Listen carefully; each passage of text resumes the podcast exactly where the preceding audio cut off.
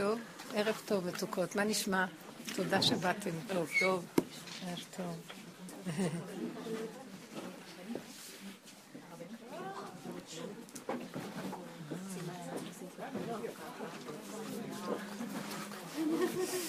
מה נשמע? אולי נתחיל עם איזה שאלה. נתחיל אה, שזה נדייק קצת, כי אני מתרחבת. כן. אבל שזה יהיה משהו שאפשר יהיה ללמוד ממנו, כי מתוך זה אני אגיע אולי בעזרת השם לנקודות. כן. אני שמה לב שבשבועיים האחרונים שמתי לב שאני...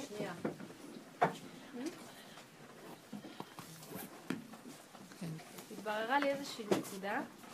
בשבועיים האחרונים. כן, שאני מרחפת חזק ואני לא יכולה לצאת מזה. אני ברחופים כל הזמן.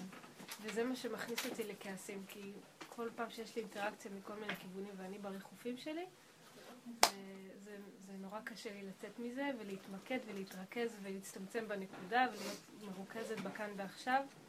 נורא קשה לי, ושמתי לב שזה, כל החיים הייתי כזו מאז שאני ילדה, אבל רק עכשיו פתאום הבנתי את זה, ש... זהו. שאני כזאת, מרחפת. זה נורא קשה.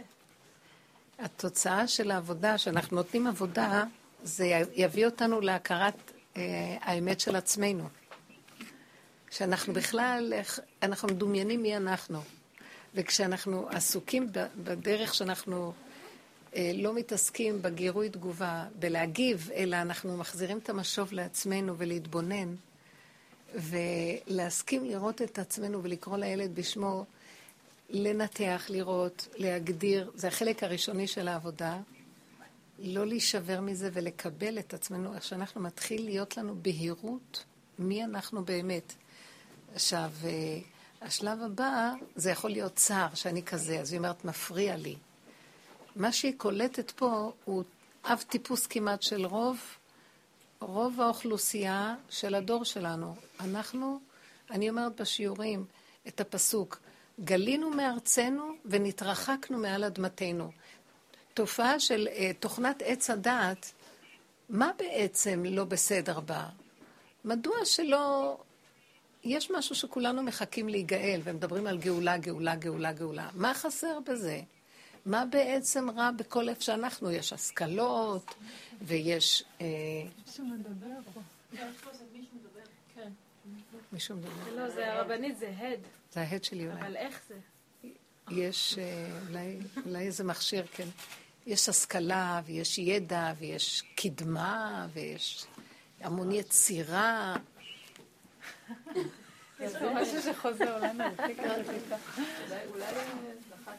בשביל מה צריך? אתם יודעים מה? אני אתחיל להקליט ואני אסדר לכם את הדיסק. כן. וכל המקום הזה של ה... יש כאן משהו במכשיר הזה. אולי שכל אחד תיקח את המכשיר ותוותר עליו. זה רק כשהיא מדברת קורה. המקום הזה שאנחנו מזהים את הריחוף, המקום שמזהים את הריחוף, הוא בעצם פתאום אנחנו מגלים, אנחנו נמצאים בתוכנת ריחוף, שאנחנו לא קשורים לעצמנו בכלל, אנחנו קשורים לדמיון העצמי, המצאנו אני עצמיות, ואנחנו הולכים איתה, אבל היא לא אמיתית, היא וירטואלית. מה שהיא קולטת את הווירטואליות שלה, היא קולטת את הריחוף. אתם מבינים מה זה ריחוף? אנחנו כל הזמן חושבים על הדבר, אנחנו לא חיים את הדבר. ככה התרבות שלנו, אנחנו רק חושבים. אמריקה, למשל, בסלנג האמריקאי, אז כל הזמן I think, I think, I think, נכון, כשמדברים, כל מילה שנייה זה מה, עוצרים ואומרים I think. איפה אני עפה? אצלנו דווקא בארץ אומרים, אני מרגישה ש... אני מרגישה, אני מרגישה, אומרים את המילה מרגיש. שם אומרים I think, אני חושב. המקום של המחשבה, גם ההרגשה פה היא כמובן תלויה במחשבה, אבל המחשבה היא הריחוף. ואם היינו סוגרים אותה וחווים ומק...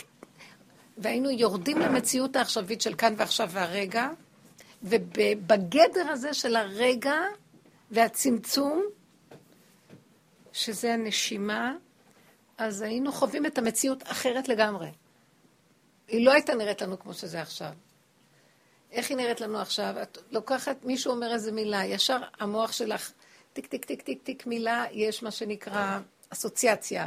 אז הוא מוציא לך איזה משהו שדומה לזה, שמזכיר לך את זה, שמעורר לך איזה תמונה מהעבר, אז יש גם עתיד.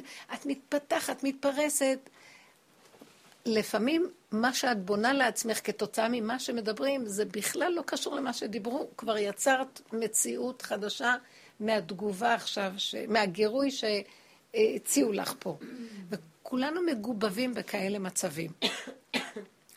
העבודה של המיקוד וההתבוננות וההכרה יותר של האמת וההגדרה שלה, בסוף היא מביאה את האדם לראות, אני פשוט לא חי, אני מרחף. זה אחת החוויות שבהתפתחות של הדרך מגיעה לבני אדם. אנחנו מאוד מרחפים, כל התרבות הזו. וכל הייסורים והצרות והכאבים שיש לנו מהמצוקות שבתרבות שלנו, נובע מהריחוף הזה. ההדמיה וההתפתחות הרוחנית, הפרשנית, של הרוח, של כל מיני אה, מושגים ומציאויות, איך שאני מפרש אותם, שבכלל לא מחייב להיות שזה ככה, כמו שהתוצאה שלי תהיה כשאני מוציא איזו מסקנה. זו תרבות כאילו אה, סובלנית, אה, כן, יש לו דעה מעניינת, וזו המציאות שלו, אני סובלנית למציאות, שלו, ואני סובלנית לשלו ושלו, וזה שקר מאוד גדול. אף אחד לא צריך להיות סובלני לשום מציאות של אף אחד. כל אחד צריך להיות במציאות של עצמו, ואם הוא מחובר אליה, הכוח לשאת את הסובב נובע ממנה. לא מזה שאני מאוד רחב אופקים, ואני אה, בהתפתחות של הרחבות, אני יכול להכיל את זה ואת זה ואת זה, אז בסוף אני יכול לסבול את כולם. זה דמיון יכולת ההכלה. רק שנייה. אני בשיעור, אני לא יכולה עכשיו לדבר, בסדר? תודה. אז זה המקום, שאת, מה שאת אומרת, את מתבוננת ואת מגיעה למסקנה הזאת, וזה כאילו מפריע לך, אבל זה המציאות שלך. בתפילה אנחנו אומרים, גלינו מארצנו ונתרחקנו מעל אדמתנו. ואנחנו לא יכולים אה, לנגוע בנקודת האמת. ואין אנחנו יכולים לעלות ולראות ולהשתחוות לפניך. הכוונה, לחיות את נקודת האלוקות והחיבור הנכון. הכל מדומיין. זו מערכת של דמיון מאוד מאוד גדולה בכל, ה... וההתרחקות, שזהו שולח את הנביאים להתרות בעם, התרחקתם מדי, אתם רחוקים מנקודת האמת. אתם חושבים שאתם בעניינים, אבל אתם בכלל לא בעניינים. אתם, ועוד בתקופתם, שהם היו אוחזים בתורה ובהנהגות, אתם לא אוחזים בתורה, אתם אוחזים בהנהגות ובמנהגים ובהתרחבות המוסרית של הדמיון של עצמכם, אבל אתם לא אוחזים בתורה באמת. הוא שולח להם, כמו שהוא אומר, אה, וכי תרבות תפילה אינני שומע. למה הנביא אומר לעם ישראל, אתם יודעים מה, אתם מרבים להתפלל, אני לא שומע את התפילות שלכם, עוד הדור שלנו בכלל מה. אה, וכי תבואו לרצות פניי, מי ביקש זאת מידיכם רמוס חצריי. אתם אה, רומסים את החצרות שלי, אל תבואו לבית המקדש. כן, כל מיני דיבורים מהסוג הזה שזה נראה, תראי, הם באים להקריב קורבנות, הם מתפללים, מה, הם, מה, הוא לא רוצה תפילות? אתם איבדתם את נקודת האמת, אתם חושבים שאתם מתפללים, אתם מתפללים לעצמכם, אתם לא מתפללים אליי. אז הנביאים היו נשלחים להגיד להם, התרחבתם, אתם מרחפים, אתם לא קשורים עם יסוד האמת. כי הנביאים נקראים נביאי אמת, שכל דבריהם אמת. אז הם היו מחזירים את העם לאמת. איפה נמצאת האמת? אמת מארץ תצמח. אתם לא בארציות שלכם, אתם מרחפים ממנה. אתם לא בבשר שלכם. אתם בהדמיה וירטואלית של המציאות שלכם, שגונבת אתכם, ומפעם לפעם לפעם נוצר מצב של כאילו, וואו, איזה מציאויות. זה דמיונות, זה לא המציאות. עכשיו, כל אחד יגיד, כל אחד והמציאות שלו. וזה נכון, בתרבות שלנו, איפה שהמוח של הבן, הבן אדם נמצא, שם הוא נמצא. אבל זה לא נקרא אמת. והאמת, תורת אמת, משה רבנו גם כן השליך את הלוחות ארצה, הלוחות הראשונים, שזה היו לוחות של אמת. תורת אמת בניגלה. זרק את זה ארצה והם נשברו. וכתוב במדרש, הקדוש ברוך הוא רצה לברוא את העולם, וקטרגו המלאכים, אז הוא השליך אמת ארצה. אותה השלכה של משה רבנו עם הלוחות, זו אותה השלכה של השם של המדרש, שאומר, האמת איפה נמצאת על כל מקרה וכל פנים? בארץ, בארציות. בארציות. עכשיו, ארציות היא שונה אצל כל אחד, כי הארציות שלי ושלך שונה, כי כל אחד יש לו משבצת בארציות הזאת. מה זה הארציות הזאת? תוואים, תכונות.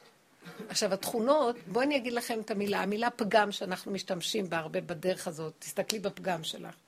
הפגם בעצם זה קומבינה של הטבע היסודי של האדם, כאשר המוח של עץ הדת מסתכל עליו, הוא מפרש אותו, הוא מרחיב אותו, הוא אה, נותן לו כל מיני אה, רשמים והבנות והתרגשויות, וזה נקרא פגם. התוצאה של החיבור הקטלני הזה של עץ הדת בטבע.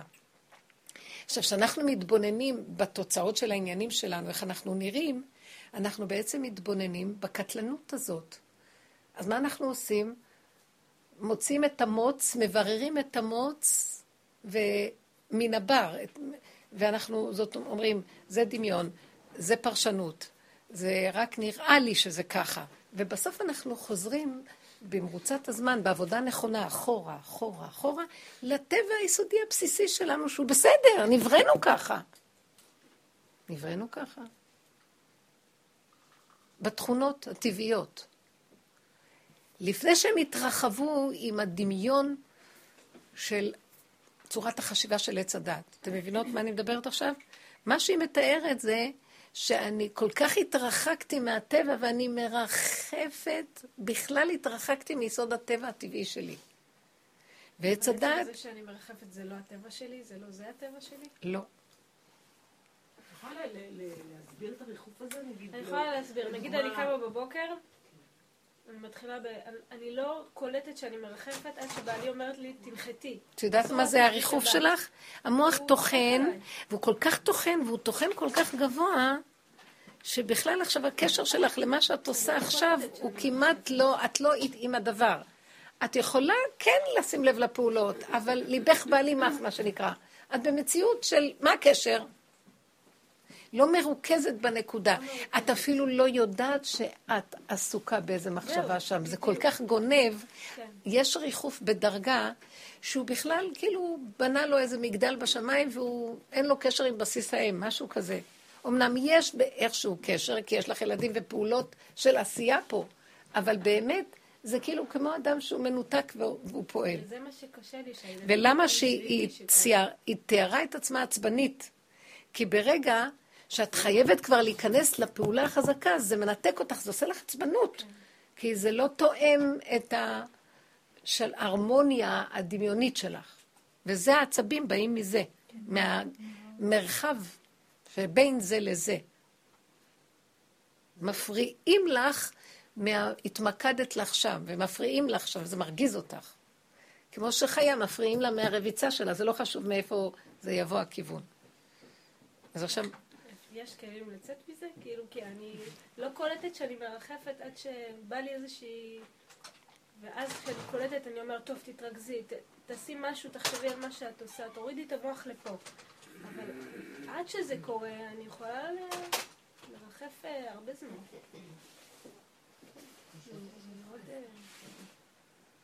כל אה, גירוי הכי קטן... תחפשו את עצמכם בדבר הזה. רוב התרבות נמצאת במקום הזה לגמרי. משרד החינוך כולם מרחפים בתוכניות. זה לא, תבינו מה אני מדברת. אה, הם ממוקדים בתוכניות, כי שם זה קשור לעניין של השכלה, השכלה ולימודים ורעיונות ומחשבות, ו... אז זה שם. זה נראה כאילו מחוברים, אבל לא מחוברים. הם לא מחוברים לצרכים של האנשים שמספקים להם את התוכניות, של הילדים במקרה דנן. בכלל לא. כאילו מחוברים, הם לא מחוברים. אנשים שמייצרים מזון כאילו מחוברים והם לא מחוברים. הם התחברו לנקודה שהם הלכו איתה לאיבוד, הרווח שבעסקים שהם עושים, והם בכלל לא מחוברים לצרכים של הבני אדם. ואז הבני אדם נגררים אחריהם, ואז לאט לאט זה מתחיל להיות כאילו אני תלוי כבר במצרך הזה, ואז אני, הוא מנצל אותי להשיג את הממון, ואז אני, אז הוא אומר, לא, אני מסדר לאנשים מה שהם אוהבים, אבל הוא, הוא שדד אותי מהמקום שלי. זה כל המערכות בנויות ככה. החולים לא חייבים להיות חולים, הם חייבים להיות חולים בתרבות שלנו. כי יש המון תרופות והמון רופאים והמון שיטות אה, והמון אה, אה, קופות שמאפשרות אפשרויות. אז, אז מוכרחים להיות חולים. מכריחים את הבני אדם להזדקק למצב הזה של הרפואה. זה, זה ריחוף, ריחוף מהמציאות. אני לא צריך את כל זה. היה לי איזה כמה ימים של כאבי שיניים. והיה לי נורא קשה עם זה. אני לא יכולה לסבול רופא שיניים. או אני לא יודעת אם אני לא יכולה לסבול את הממון שכרוך בזה, או את הרופא עצמו. בכל אופן, שניהם גם יחד התחברו, ואמרתי לעצמי, מה אני, אני לא יכולה לסבול. ואז החלטתי פתאום, מי אמר שאת צריכה כל כך הרבה לאכול? אל תשתמשי בפה כל כך. וזה היה, וואלה, זה היה ממש לעניין. כאילו פתאום ראיתי שיותר מדי אוכלים, אוכלים דברים קשים, אוכלים כל מיני... לא צריך, אפשר גם לשתות. אפשר גם לאכול, אה, בסוף החמור ימות, אבל לא נורא. כאילו, ראיתי של... לא חייב שאני אלך לרופא שיניים, ובדרך כלל ככה הוא אומר, mm, את צריכה תוכנית עבודה. אה, אז צריך להוציא את זה ולקדוח בזה ולהלביש את זה, ובכלל, אם את רוצה, אני אעשה לך, אה, איך קוראים לזה? שתלים. זה, ואז אני כבר, אין לי כוח להגיד לו, לא, רק פה, אני מרגישה רק פה. לא, אני לא יכולה לעמוד מולם, אז לא לאכול, זה הכי נכון. קצת. ואז אני רואה, זה יותר אמיתי. כי זו תרבות שריחפה מהמקום שלה, עד כדי כך ש... שכל הזמן גונבים אותה. אז אני לא יכולה להאמין כבר לכלום. בקיצור, זה נקרא ריחוף, ובכל השטחים יש את זה. הריחוף זה היציאה מנקודת האמת. עכשיו, יש מדרגות לדבר. היא, מצ... היא מציירת מצב שרק שכולם ילכו ואני אהיה שקט לבד. ואני יודעת שזה שקר. אבל זה מה שכאילו אני רוצה, שייתנו לי לרחף. אבל זה לא, לא, לא, לא טוב, נכון? לא צריך להיות ככה. יש פה איזה, איזה, יש פה איזה מקום בריחוף שהוא נורא מתעסק בעני, בעצמי. כי הרי בבוקר יש, יש עניינים של בוקר, שאני מדברת על בוקר, שיש אה, מטלה, של להוציא את הילדים, יש משהו שברגע שאתה נוכח, אז אתה לא מרחף, כי צריך להכין סנדוויצ'ים, צריך... אה, וכאילו היא רוצה את הספייס שלה לרחב, והעצבים אה, אולי באים לה מזה שהיא... יש מלחמה תמידית. יש, היא ממוקדת פה, והפעולות מכריחות אותה לפה, ויש לה מלחמה, וזה עומס נוראי. והעצבים נובעים מדבר זה. עכשיו, יש אחד שיגיד לא, כי הוא פחות מרחף, הוא נמצא יותר בפעולות. אבל מצד שני, אם הוא ממוקד בפעולות, ועץ הדת נכנס לפעולות שלו וגונב אותו שם, הכוונה, הוא יכול לעשות פעולה אחת, אני יכולה לראות את זה בעצמי. אני יכולה לשטוף את הכלים ולשטוף עוד פעם את הכלי הזה, ואחר כך לעשות את זה ולנגב עוד פעם את השיש. אני עושה עוד עשר פעולות מיותרות של עשייה, שלא חייב לנגב את השיש הזה עוד פעם. תדייקו עם עצמכם ותראו, למה צריך את... הנה, בעולם המעשה יש גניבה לא נורמלית. אנחנו אנשים גנובות על העשייה בצורה חולנית כבר. לכי תעצרי מישהי מהטראנס של העשייה. כפייתיות נוראית של עשייה. זה כבר לא ריחוף, זה ריחוף לכיוון השני. זה לא, זה הכוונה, אנחנו נגנבים בלי איזון. עכשיו, יבוא מישהו ויגיד לה, תפסיקי כבר, וזה, לא, רגע, רגע, אני רק אגמור את זה, אני רק אגמור את זה, אני רק אגמור את זה. גם זה, מש... ומביא לה עצבים שמפריעים לה. אותו דבר פה, אני רק אגמור את המחשבה שהיא אפילו כבר התנתקה ולא זוכרת מה היא בכלל. כי היא כבר נמכרה לכיוון ההוא. זה כולנו בחוסר איזון משווע. המצוקה היא מראה שאני לא במקום של האיזון. איך, להג... איך לצאת מזה? ההתבוננות המתמדת בדבר נותן לנו את ה... זה כאילו אתה שם את הפנס על החיה, והחיה הזאת היא לא אמיתית, היא דמיונית, אז היא הולכת ומתנדפת, והתבוננת על מקומו ואיננו. וצריך התמדה בהתבוננות ולהוסיף תפילה. כי כשיש את המצוקה, אני מבקשת תפילה. הגעתי למקום של מצוקה, למה אני מספרת לכם? שהשם, אה, כשהוא אוהב את הבן אדם שעושה את העבודה, ככה נראה לי שהשם אוהב אותי, אז, אז הוא מביא לו שהדבר הכי קטן שהוא חורג מהאיזון, מביא לו מצוק, מצוקה נוראית. זה כבר מדויק יותר, וכל דבר אני אומרת, אז הכאב של המצוקה שאני קולטת שאם אני ארחף אחר כך הנחיתה היא נוראית, לא יכולה לעמוד בזה. אז אני כבר מעדיפה לחיות את הסכנה ולא ללכת על זה. או שאני רואה שאני מתרחבת על הפעולות ואני נהיית משועבדת, איזה עבד נרצע לפרעה של ניקיון מדומיין שכל היום מלכלך ומשאיר אחריו את הלכלוך ועוד פעם. זה מה שפרעה עשה להם שם. תייצרו כבר, הוא מייצר להם את הלכלוך, דורש מהם את הניקיון, אומר להם לעשות, ואת לא יוצאת למעגל. המצוקה של ההתבוננות בדבר ולראות איך אני נראית, תדעו לכם, יש לכל יהודי ביסוד שלו נפש של בן חורין.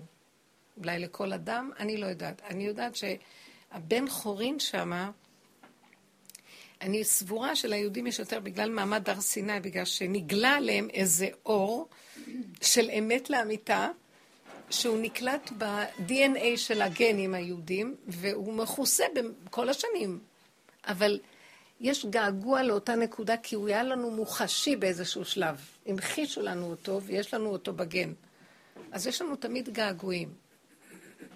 זה מה שאומרים היהודים יותר רוחניים, או שהם יותר בעולם, כי יש להם איזה געגועים לנקודת האמת הזאת.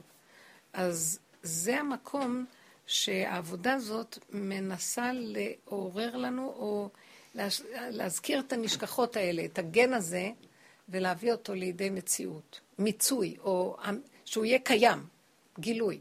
זה נקרא גילוי מלכות השם. עכשיו, ברגע שאת רואה את המקום הזה ואת מתבוננת בזה, זה מאוד טוב. תדברי להשם. להשם. תדברי, תדברי. תדברי לתודה יותר גבוהה. מה התודה היותר גבוהה? שאת כאילו מדווחת לה את מצבך. כמו שיש איזה פסיכולוג, ואת מדווחת לו מה קורה לך, והוא שומע אותך. תדעי שהוא שומע. תראה איך אני נראית. אין קשר בין זה לזה, אני במרח... במרחקים מהנקודה.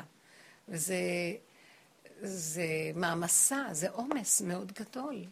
אין לי כוח, זה סוחב מאיתנו כוחות, ואנחנו כל הזמן עייפים ולא מבינים למה.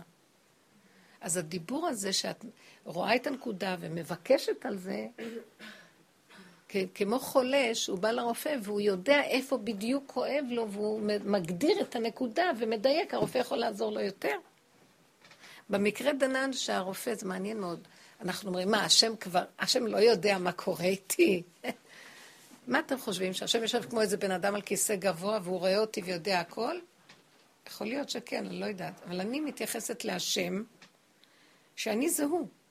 כשאני מודעת לעצמי, אז אותה תודעה מעוררת לי את האפשרות לעזור לי, בדרגה קצת יותר גבוהה, כן? זה כל הזמן משוב של האדם חייב להבין שהאלוקות נמצאת בתוכו. זה לא איזה דבר שם. יש כזה דבר אולי שיש איזה אור כללי שיודע הכל.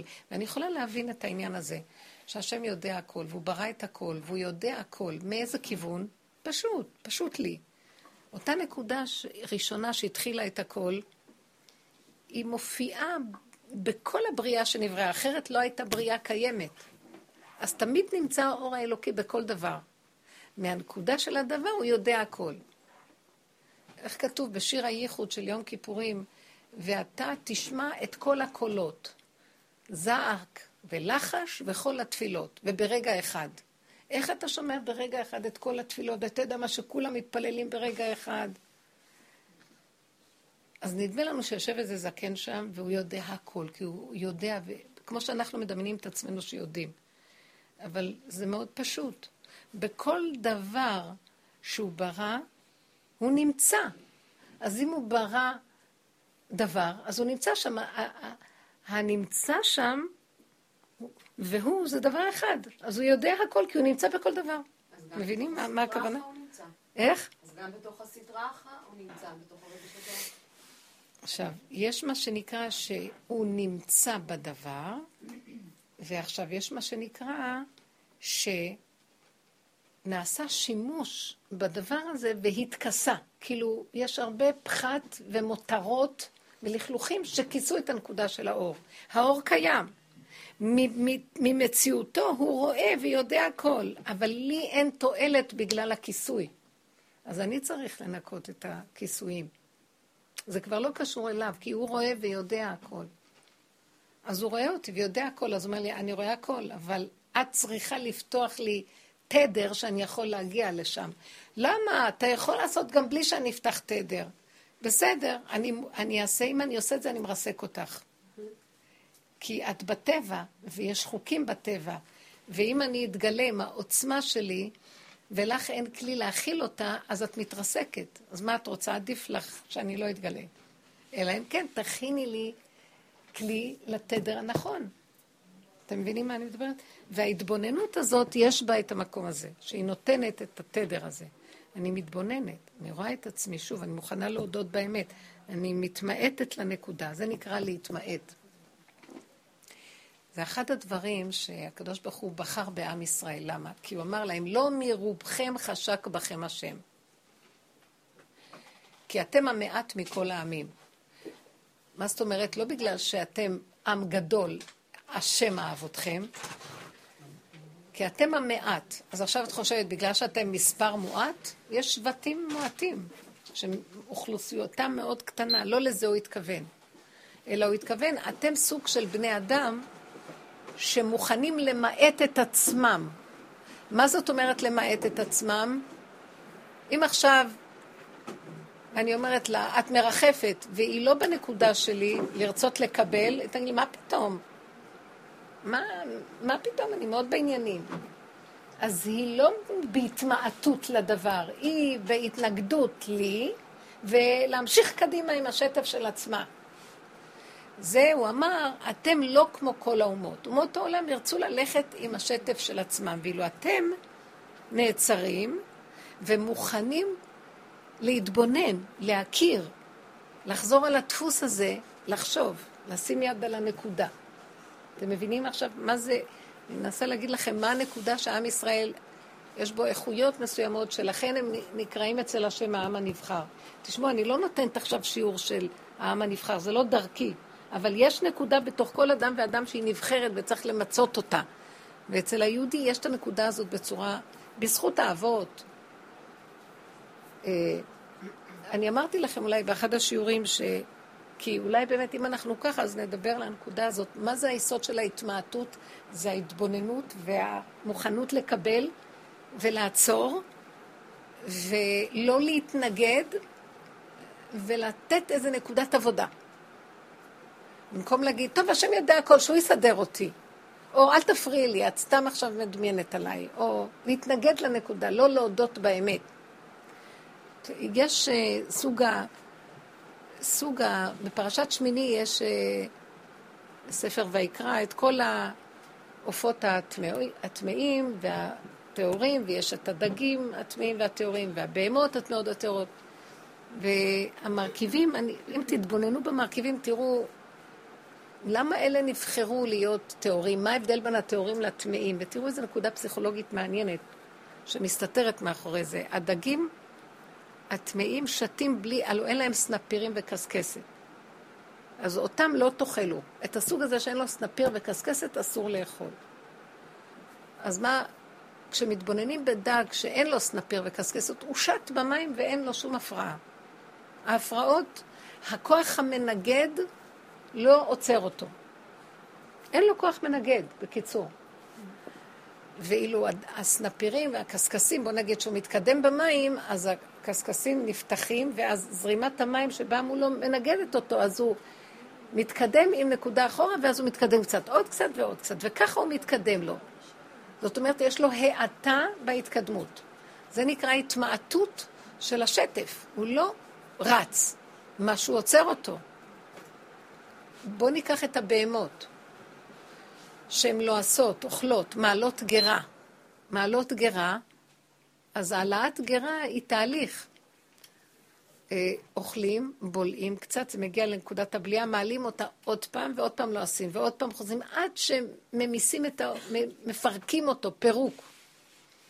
זה בעצם, לעומת אה, בהמה שאינה טהורה, כמו החזיר, שהיא בולעת. מכניסה לפה בולעת, אין תהליך של אה, העלאה. זה המקום עוד פעם, כוח המנגד לא קיים. כי כשזה מגיע לכאן, המעלה גרה, משהו מנגד אותם, הם חייבים עוד פעם לעלות. זה כבד להם, זה גס להם, הם חייבות עוד פעם לפרק על מנת... הן לא מזרימות את זה לתוך מציאות הקיבה. המקום הזה מראה מהלך מתקדם של סוגי הבהמות, או סוגי דגים או וכן הלאה. כי יש בהם משהו יותר מתקדם. מה ההתקדמות שלהם? אחורה. הן מוכנות ל- לעצור, להבין שאם שלחו להם התנגדות, יש בכוח הזה דבר מאוד מאוד טוב לעצמו. למה? ההתנגדות הזאת עוזרת לי לא להתרחב ולאבד את הגבול והמידה ולצאת מהגדר שלי. ואז אני נבראתי בגדר גבול ומידה, ואני קשוב לגדר גבול ומידה. מה עושה הגדר גבול ומידה לאדם? ממקד אותו, מאזן אותו, נותן לו שורשים. ואז הכלי שלו חזק. הוא לא תלוש מהקרקע, הוא לא, הוא מחובר. כתוב כל דבר שהוא מחובר לקרקע טהור. הוא לא תלוש, הוא מחובר. ואז עכשיו, אם הוא מחובר, הוא כלי טוב, ואם הוא כלי טוב, אז עכשיו יכול לרדת עליו האור האלוקי, כי האור, במחשבה האלוקית, הוא ברא את האדם להיות כלי שהאור ירד אליו. מה שנקרא מידה, מידה נכונה, מדידה. ולכן המילה גולם והמילה גלימה, היא יכולה ללכת ביחד, זאת, זה לקוח מזה. כי הגולם זה ההתרוקנות של כל הבלבולים והריחופים והחוסר דיוק, ההתרחבות, והמידות נהיות מדויקות, המשבצת ברורה, מקומו של האדם ברור, חוזר לטבעו היסודי בבהירות, והוא נזהר לא להתרחב, כי המערכת הזאת כבר, הוא נזהר ממנה, שלא תרחיב אותו, ואז הוא הופך להיות כלי להשראה, הוא גולם, הוא נקרא גולם, ואז הוא כמו הגלימה שהשם מתעטף בה. זה נקרא עולם המלבוש. בקבלה יש מושג שנקרא עולם המלבוש, שזה האותיות שהשם ברא, שאיתנו משתעשע כל אות והצורה שלה, והן כאילו רוקדות עם השם במחול. כמו בחצר המלך יש, נותן לזה יד והוא רוקד איתו, ואחר כך נותן לזה יד ורוקד, ולכל אות יש את הריקוד שלה. אבל היא מדויקת עם הכללים שלה. את לא תראי את אות א', פתאום הרגל הזו עולה למעלה. אות א' בנויה ככה, ואות ב' בנויה ככה. כל אחד במידה שהשם מדד לה. והוא רצה שנישאר בטבע, הוא לא רצה שנצא מעל הטבע. דיברתי איתכם אולי בשיעור הקודם על מה שדוד המלך אמר, בחנני ונשני. אתן זוכרות? לא, לא דיברתי? כשדוד המלך אמר להשם, בחנני ונשני, אני רוצה אני הגעתי למדרגת אלוקות, ואם תבחן אותי, לאורך ולרוחב, אני שוכב פה, ממש נכנע לך לגמרי. מה שתגיד לי, אני אדע שזה אתה. אמר לו, כן? רב אושר אמר, ברגע שהוא אמר את זה, הוא בגד במושג בנים אתם להשם. מה פירוש הדבר? כי ברגע שהוא אומר להשם, בחנני ונשני, יש לי יכולות אני, והוא לא סתם דיבר מתוך דמיון, הוא עבד הרבה, הוא היה עבד השם. אבל הוא עבד מתוך המקום אה, גם של ריחוף מסוים רוחני. אני אוהב את השם, כלות הנפש, אני רוצה להגיע אליו, אני אה, עצום, אני אעשה עבודות, אני... בעניין של להתעלות. אז השם אמר לו, כשאתה הולך ככה, אתה בוגד בבנים אתם להשם, אתה בוגד במהות של עם ישראל. למה? כי עם ישראל צריך להיות, אתם המעט מכל העמים. אתה הולך עם התגדלות. אני, תבחן אותי, תראה. אפילו שאתה אוהב אותי והערך שלך זה אני, אבל הצורה שאתה עושה את זה זה דרך הגדלות, ולא דרך ההתמעטות. תישאר עם הגבול והמידה ולמטה, ואל תגיד לי, תבחון אותי, תראה אותי. זה גדלות. הגדלות הזאת מנתקת אותי ממך. כי אני לא בראתי אותך שאתה תגיע לדרגה שלי מתוך גדלות. אמנם השם ברא אותנו, וזה הנביא אומר, ישעיה, שהנביא אומר ככה, התוצאה של כל המהלך הזה של אכילת עץ הדת, כל העבודה הזאת בסוף, מה אני בורא, אף אתה בורא. כמו שהקדוש ברוך הוא בורא עולמות, הוא אומר מילה וזה נהיה, גם אתם תוכלו לברוא עולמות, להחיות מתים ולברוא עולמות. אז הנה, דוד המלך רצה, אמר, הנה, הגעתי למדרגה שאני, כל, כולי כלות הנפש, אני הגעתי למדרגה שאני אלוקי. הוא לא השוויץ והוא לא היה מדומיין. אבל הוא כן היה גנוב. הצורה שהוא עשה את זה היה, אני יכול. אז אה, בוא נגיד, אתה אומר לנו, אתם קטנים, אתם המעט, אתם מגיעים למקום של התמעטות, גבוליות, אז אתם לא יכולים להיות אלוקים בגבוליות הזאת, נכון? אתם רק הגלימה של השם, לפי השיטה השנייה, נכון? אז איך אתם יכולים בסוף לקיים את מאמר הנביא, מה אני בורא, אף אתה בורא? וזה היופי שיש בכל התוכנית הזאת שאנחנו עובדים איתה, והתוכנית של עם ישראל. זה ממש התוכנית של עם ישראל. מהי התוכנית? אתם בסוף תגיעו למקום של מה אני בורא, אף אתה בורא, אבל לא דרך הגדלות של האגו שעובד, אלא דרך ההתמעטות, לרדת מהריחוף, להיכנס למדרגה הפשוטה של הטבע הפשוט, לאני לא יכול, ולהיות רק במקום של גבול ומידה, ואני מתראה עליך, כי אתה בגבול שלך, ואז מכוח זה שהאלוקות מתראה בכיסא הזה, יושבת על הכיסא או על הכלי הזה, אז אני בורא שבתוך כלי, הכלי ישר מתבשם מהאור האלוקי. מה אני בורא? גם הכלי נהיה בורא, הבנתם? יש התמזגות של הכלי והאור. וה, והכלי חש את מציאות האור. מה אני בורא? אף אתה בורא. נותן לך ישר את מציאות הבורא בתוכך. זאת אומרת, הכלי והאור מתחברים, ואין הבדל, ייחוד, קודשא בריחו ושכינתה, אין הבדל בין הקודשא בריחו, שזה אור הזכר והקו, לבין השכינתה, שזה הכלי, שהוא שוכן עליה. כי היא, והוא נהיה דבר אחד. שמתם לב עכשיו, כדי להגיע למקום הזה שאנחנו נהיה אלוקים, צריכים ללכת בדיוק הפוך. התמעטות אחר התמעטות אחר התמעטות של הלא. והריחוף בדיוק עושה הפוך. הוא רוצה להיות שם, שם, שם, שם, והוא חושב ששם הוא יגיע להשם. והשם אומר לו, לא בשמיים אני, אתה טועה. אני לא נמצא בשמיים, אני לא נמצא בארץ רחוקה, אני לא נמצא שם. זה הדמיון של עץ הדת שאומר, וייתם כאלוקים, אז בטח האלוקים יושב שמה, כי אנחנו פה והוא שמה. לא, אני נמצא בתוכך, בכל תנועה שלך, בכל פינה, בכל זווית. תרד למטה, תתמעט, תפרק את כל הדמיון שמפריע לך וחושב שזה שם, שם, שם, ותראה שאתה תגלה אותי פה, בכאן ועכשיו, בנקודה, בגבול, בדיוק איך שבראתי אותך, ככה אני רוצה אותך, שם אתה מהווה לי כלי ואני מתגלה בתוכך, ויש ייחוד של הבורא והנברא. ואז אתה נהנה הנאה גמורה. מה אני בורא עולמות, אף אתה יכול לברוא עולמות. מה אני מחיה מתים, אף אתה יכול לחיות מתים. זה היסוד של הצדיק. עכשיו שאנחנו, אפשר אולי לכבות את זה, זה חם מדי? כשאנחנו מדברים על המושג הזה של צדיקים, יש אנחנו אומרים, וואו, הצדיקים האלה הם שמה, שמה, שמה, שמה. יכול להיות שהם עשו הרבה עבודות שמה, כי, כי כל הצדיקים שהגיעו למקום של ההתמעטות, בסופו של דבר, הם התחילו עם המקום של עץ הדעת, שדמיון, שאם אני אעשה ככה ואני אהיה גדול, אני אצום ואני אעשה שם, ואני...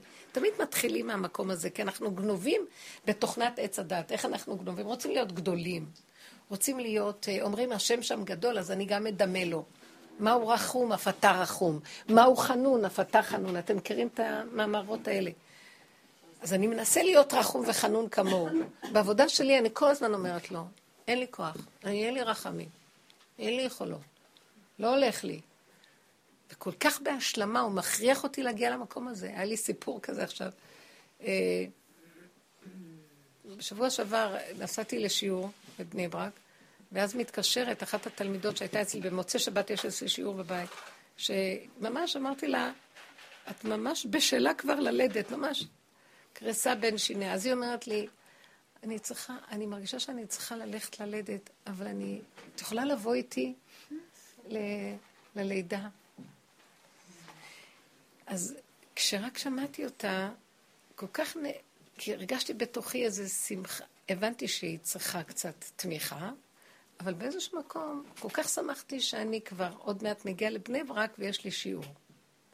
ואז אמרתי לה, תראי, אני קלטתי את הנקודה שלה, שלא, אני לא הכי רוצה להיות איתך עכשיו בלידה. לא אמרתי לה את זה כמובן, עם עצמי אני רואה. ואני שמחה שאני לא מצויה כדי שלא תהיה לי ברירה להגיד לך כן. אז אמרתי לה, את יודעת מה? את בדרך לבית חולים? את בטוחה שאת כבר צריכה? מה זה כך? שאלתי אותה, מה זה צירוני? מה זה בדיוק זה? אז היא אמרת לי, זה נראה לי ירידת מים. אז אמרתי לה, תראי, אני כבר לא בעיר, אני רחוק. בכל אופן, תלכי, ואני בדיוק אגמור את השיעור, תהיי איתי בקשר ונדבר. אני, אחרי שאני אחזור מהשיעור, ישר אני אגיע אלייך. עכשיו, כשהורדתי את, הטל, את הטלפון, אז אמרתי לעצמי, וואו, עכשיו, אם זה יהיה, שזה ירידת מים, אז אני תישאר שם, ואני אצטרך כל הלילה להיות איתה ולא לישון, ואני מאוד עייפה, אני לא ישנתי, אתמול היו לי אורחים בשבת, ולא ישנתי כמעט מוצאי שבת. ויש לי מחר בבוקר משהו שאני חייבת עד 11 להיות עסוקה בו, ואני צריכה ערנות, ואני... מה, לא, בכלל, משהו בתוכי התנגד לזה שאני אלך איתה ללידה. אז התפללתי לשם ואמרתי, אמרתי, ריבונו שלום, אני אומרת לך את האמת, ופתאום בא לי מחשבה, אין לך טיפת חסד והתחשבות באף אחד, לא אכפת לך מכלום. מה זאת אומרת? היא נראית במצוקה ואת צריכה קצת להיות איתה. ואז, ואז הכוח הזה של... נכנסתי לבשר הפשוט, לתחושה האמיתית הפשוטה, ואמרתי, אל תבוא אליי עם הזקן הארוך שלך עד הרצפה והכובע עד השמיים, ותגיד לי, זה לא יפה, תהיי בעלת חסד. אתה זוכר כמה חסד הייתי עושה? פירקת לי את הכל לרסיסים, וזרקת אותי לתוך היחידה שלי, אני לא מסוגלת כבר לעשות כלום לאף אחד.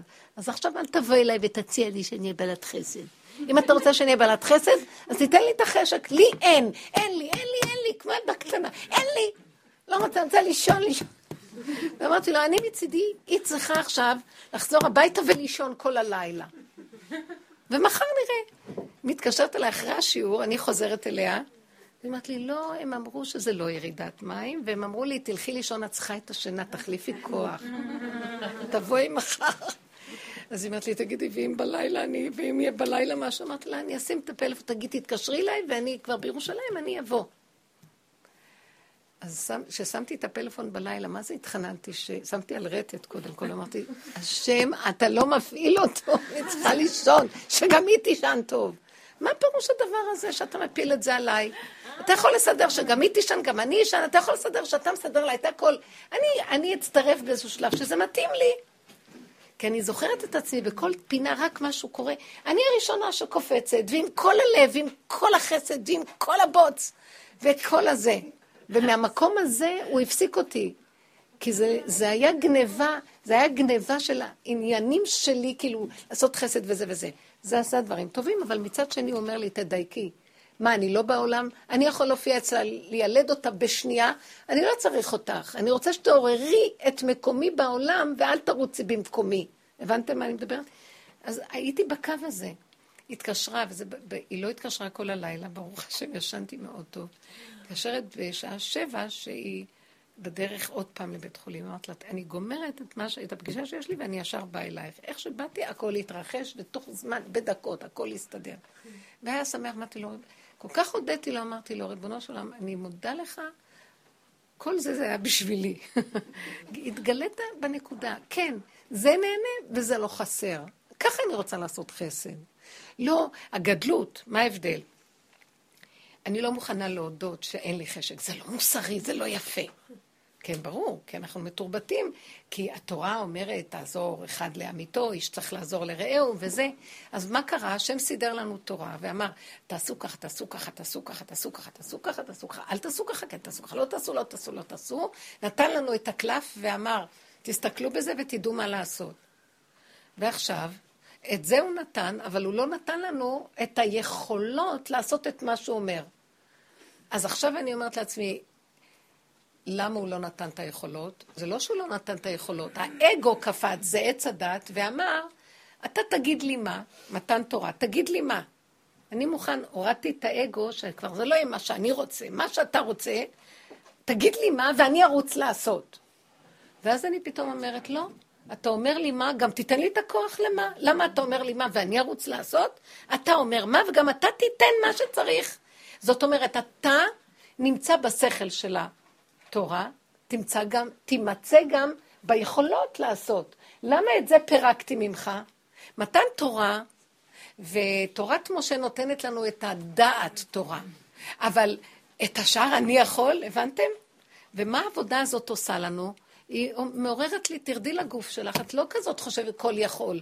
תרדי לגוף ותראי שאת לא כל כך יכולה, לא בקלות. אני מגיעה למקום, לא בקלות, אני מוכנה לוותר על השינה שלי. אני לא אוותר על שינה בשביל אישה במצוקה שרוצה ללדת ואין לה מי שתלך איתה? אני לא אלך לעשות ככה וככה שמישהו מבקש ממני? לא, פתאום אני אומרת לעצמי, לא אכפת לי ללכת. אל תיתן לי הוראות ריקות. תתגלה בתורה שלך. שאתה נותן הוראה, גם תיתן את הכלים ואת היכולות. כמו שאת אומרת לילד, לך להביא לי חלב מהמכולת, אמא אומרת לילד, ושם כבר הצטבר חוב כזה, שהחנווני יגיד לו, לך הביתה, אתה לא מקבל כלום. והאמא שולחת אותו ואומרת לו, תסתדר איתו, תסתדר איתו. זה לא יפה. הילד לא, לא יכול להסתדר איתו. זאת אומרת, באיזשהו מקום, כל העבודה הזאת שאנחנו עכשיו עושים, לרדת מהדמיון של האני יכול, שזה הריחוף אני יכול, זה פתאום אני רואה את הגבוליות שלי. תדעו לכם, יותר ויותר אני קולטת כמה אני מוגבלת, כמה אני קטנה. אני קולטת מה שהשם אמר לדוד המלך. אתה בגדת בבנים אתם להשם. אתה הולך עם הגדלות, אני יכול, אבל אני לא בראתי אתכם כל יכול. בראתי אתכם להראות את הלא יכול, על מנת שאני כל יכול לבוא להתלבש בלא יכול, ואז הנה לכם שלמות, סימביוזה מושלמת של כלי ואור, נברא ובורא.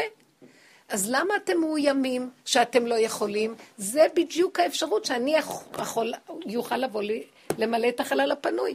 לא אפרגן לו את החלל הפנוי, שאני לא יכולה, שב בצד, אני יכולה הכל. והוא דוחק אותי דוחק אחר דוחק להראות לי שאני לא יכולה. העבודה הזאת, מה? זה עובד גם אם אין לך עבר של חסדים? זה עובד? גם אם אין לך עבר של חסדים? תראי, אין אדם, אני נתתי את המ... בצורה מוגזמת אה, עניין של חסדים. אין אדם שלא עושה כל הזמן חסדים מתוך היכול. אפילו אישה חילונית, או אפילו סתם בן אדם. הוא כן, הוא כן מטיב. מישהו אומר לו, אתה יכול להעביר לי את הדבר הזה מכאן לכאן? הוא אומר, טוב. לרגע הוא ייעצר, ואני אגיד לכם איפה העבודה האמיתית נמצאת, שיגיע אליו איזה כוח התנגדות. הוא לא רוצה. פעם העברתי איזה מישהו במונית ישב קדימה, ואני הייתי צריכה להעביר לו את הכסף לנהג, אז אמרתי לו, תעביר לנהג. אז הוא אומר לי, לא רוצה. כל כך נהניתי מהדיבור שלו. לרגע נעצרתי, אה? אמר לי, לא רוצה. מה כל כך ברור לך שאני רוצה להעביר את הכסף? ואז הרגע נעצרתי ואמרתי, אולי הוא חושב ש... למה שאני אעביר לו? למה שלא אכניס את זה לכיס שלי? מה פתאום שאני אראה שטר ואני עוד אעביר למישהו אחר? למה את מעמידה אותי בניסיון? זה איש אמת, אני לא יודעת, סתם ציירתי לעצמי ציור. באיזשהו מקום זה יותר נכון. מה שכן, כן, כן, כן, כן, כן, אני כל יכול. מה עוד את רוצה? את רוצה שאני גם ארוץ לעשות את זה, וגם את זה, וגם את זה, וגם את זה? וזה התרבות שלנו. למה? כי אני מפסיד את הנקודה של הלא והכלי. עכשיו, אני לא צריך ללכת להגיד לכולם, אני לא רוצה. אבל עם עצמי אני צריך למצוא נקודה של התנגדות. ואיפה שיש התנגדות, זה סימן של משהו טהור. זה כמו עם הדגים. משהו מנגד אותי.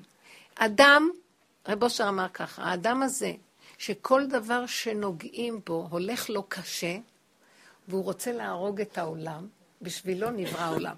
אני ככה כל היום. אה?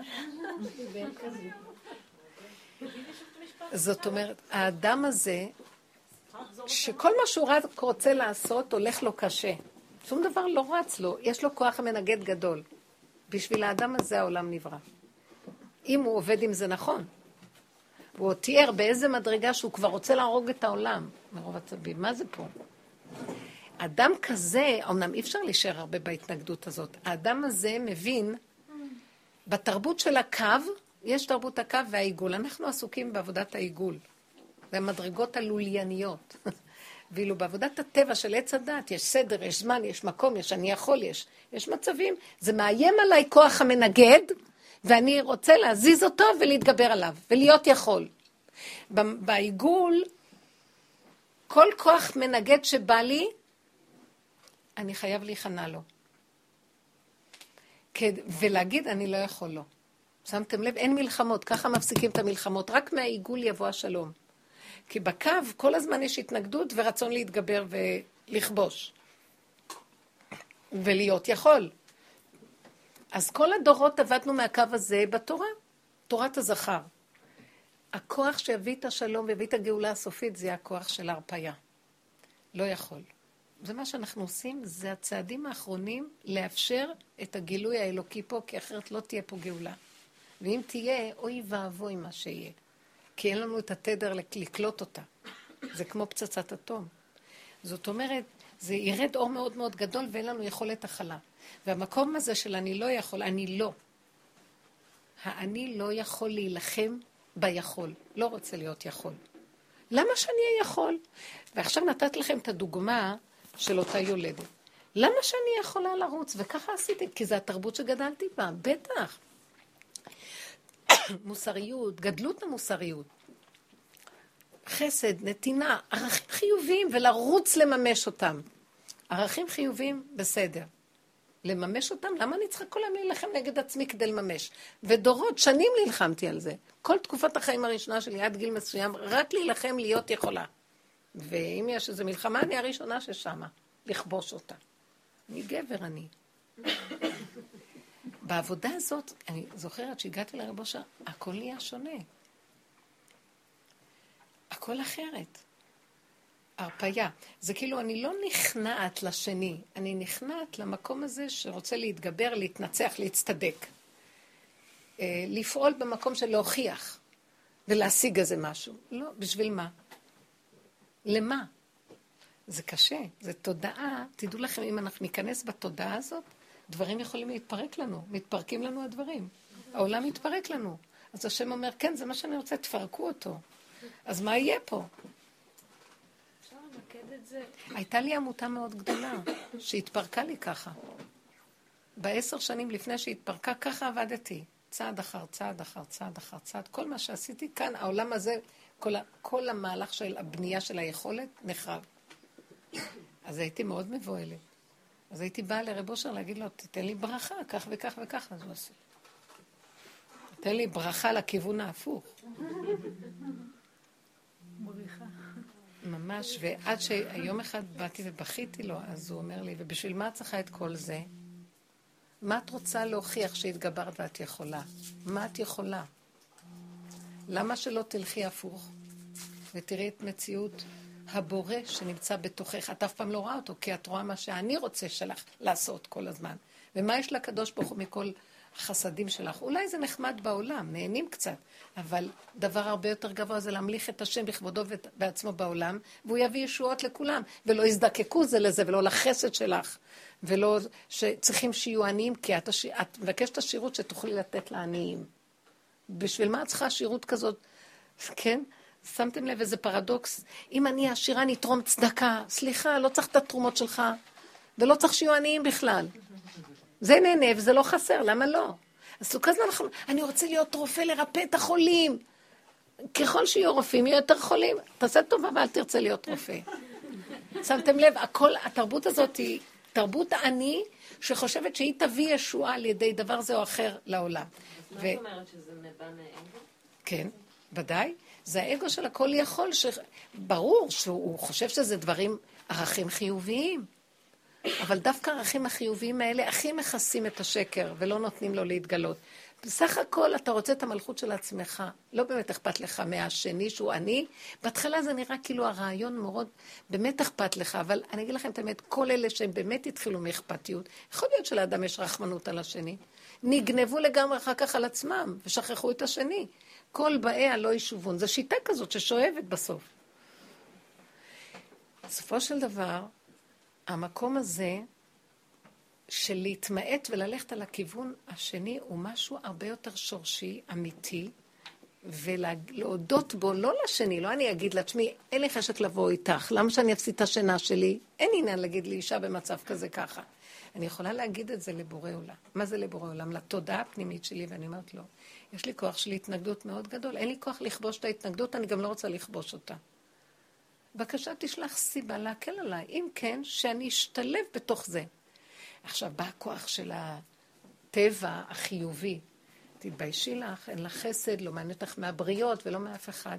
ובדרך כלל את מאוימת ממנו, אבל אם את הולכת על הקו הזה באמת, תגידי, נכון, למה שלי יהיה אכפת? יש בורא עולם שלא יהיה אכפת מהבריאה שלו. מה זה אהיה כאן במקומו?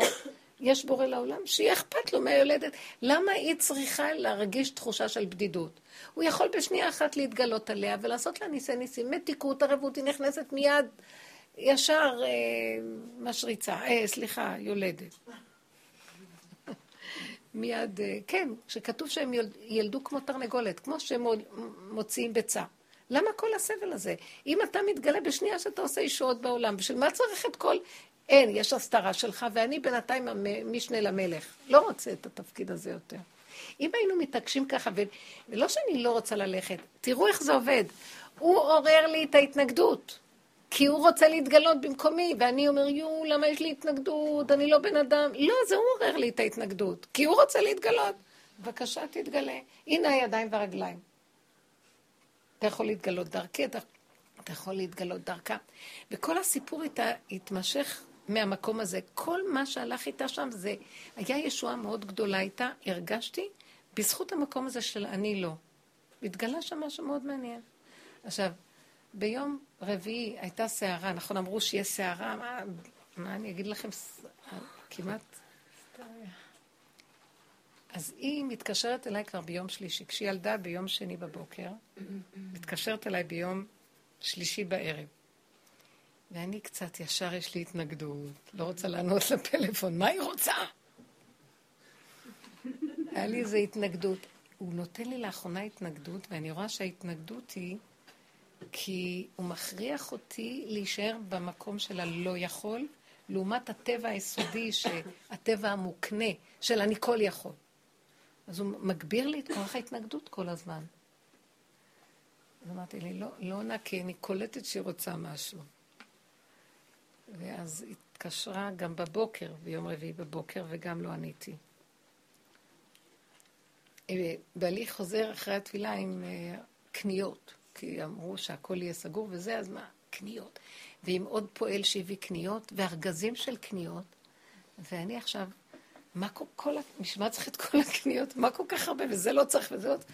וכבר היה, שמתי לב שהתחלתי קצת להיות אה, עסוקה איתו בעניין הזה, וויכוח על זה, למה לקנות את זה, וזה לא צריך, והוא מאוד יקר. ואז אני אומרת לעצמי, אברך משי הלך לעשות קניות, בכלל זה מיותר וזה מיותר. והתעורר לי עליו איזה פיוז כזה של כאילו, מה כל זה?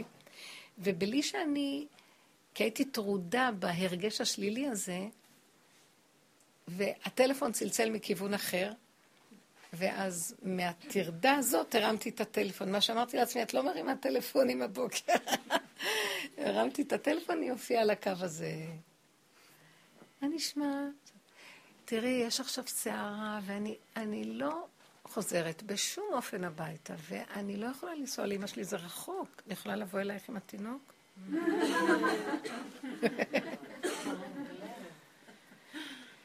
אז אה, את אשר יגור אותי, היה לי הרגשה לא להרים טלפון, הרמתי. הרמתי. תראי איך השם סובב את הסיבות שאני ארים. אז הבנתי ישר שכל זה, והתפלאתי, מה אני, אני צריכה להגיד לו תודה שהוא קנה, שהוא הלך בקור הזה, וקנה, ושחה, והביא, ו...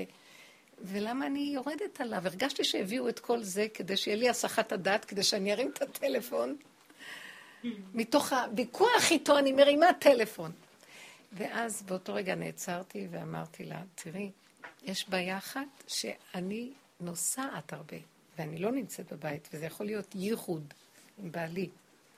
כאילו, זה באמת היה נקודה. אני פשוט עוזבת את הבית. אז היא אמרת לי, לא, סגרו את הכל, את לא יכולה לצאת לאף מקום, כמה ימים. סגרו את הכל. היא העלתה לי את הפיוזים ברמות. מישהו, מישהו יכול לכלוא אותי, אני הלא מסתובבת ברחובות. איך אפשר לשים אחד כמוני בבית? בצחוק זה. ואז לרגע הייתי צריכה להבין שזו סיבה מהבורא, ואמרתי, לרגע נעצרתי ואמרתי, טוב, בואי, תבואי. אחר כך הבנתי, ההתנגדות שהייתה לי הייתה מאוד טובה. קראתי את הטלפון ואמרתי, לא, אני לא יכולה להגיד את ההתנגדות. אין עניין להוציא את העבודה הזאת לשני. אם אפשר לאפק, זו עבודת היחידה. ואמרתי לעצמי, ריבונו שלם, אתה יודע שאני לא יכולה לסבול לבשל יותר מסיר אחד בשבוע. עכשיו אני צריך לבשל ליולדת כל הזמן, ולסדר לה את כל הדברים, והיא צריכה טיפול, ואתה יודע שאני לא... ולא אכפת לי לעשות, לא אכפת לי כלום. אתה מביא אותה, אתה חייב להתגלות במקום הזה. אתה חייב להיות פה. אני לא יכולה להוציא כוח בכוח. אני לא רוצה להתגבר על עצמי, ואני לא רוצה ללכת בהוכחה של חסד. לא רוצה, אני לא יכולה, אני תפוקה. אין לי חסד, אני ערבייה. לא יכולה. לא יכולה, אמרתי, לא יכולה. אתה חייב להתגלות על הערבייה הזאת. אני רוצה את הגילוי שלך, גמרנו. אתם לא מבינים איזה היא עד אתמול היא הלכה בבוקר. בסביבות עשר הייתה ברית. אתם לא מבינים איזה גילוי היה. אני לא יכולה להאמין שזה אני. באיזה סבלנות, כל כמה דקות להביא לה איזה דייסה טובה ואיזה עוגה, ולהכין לה עוגות. ועוגיות, וקרקרים. רבותיי, זה לא יכול להיות. ומרק כזה, וארוחה כזאת, ולחמניות. אתם פשוט לא... היית מוגגה לה מכל טוב ארץ מצרים שקנו פה בשבילה, הכל היה. כל הסערה הייתה רק בשבילה, אמרתי. לא היה בסוף שלג, וכן יכולתי לצאת ביום רביעי, ולא יצאתי כי סגרו את הכבישים. הכל היה בשבילה. ואמרתי, ריבונו שלום, והיה מתיקות וערבות, ונהניתי, והייתה שכינה בבית. ואמרתי, ריבונו שלום, זה אתה. למה? כי אמרתי, אני לא. אני לא. והוא התגלה. וזה היה מתוק, מתוק, מתוק. עכשיו, באתי ביום, ביום שני, היה צריכה להיות הברית, וכאילו היא רוצה להגיד לי, אפשר עוד להישאר, ואז אני ישר קולטת אותה, ואז אני אומרת לבורא עולם, אבא, ריבונו של עולם, אני בקלות עכשיו, בכזאת אווירה מתוקה, שאני ממש נקשרתי אליה לתינוק ולסירים, שאני בקלות יכולה להגיד לה כן, אבל אתה יודע שאני כבר איבדתי את הגבול, תגיד לי אתה מה לעשות, כי אני לא יודעת, כי אני עכשיו על הטראנס של הכן.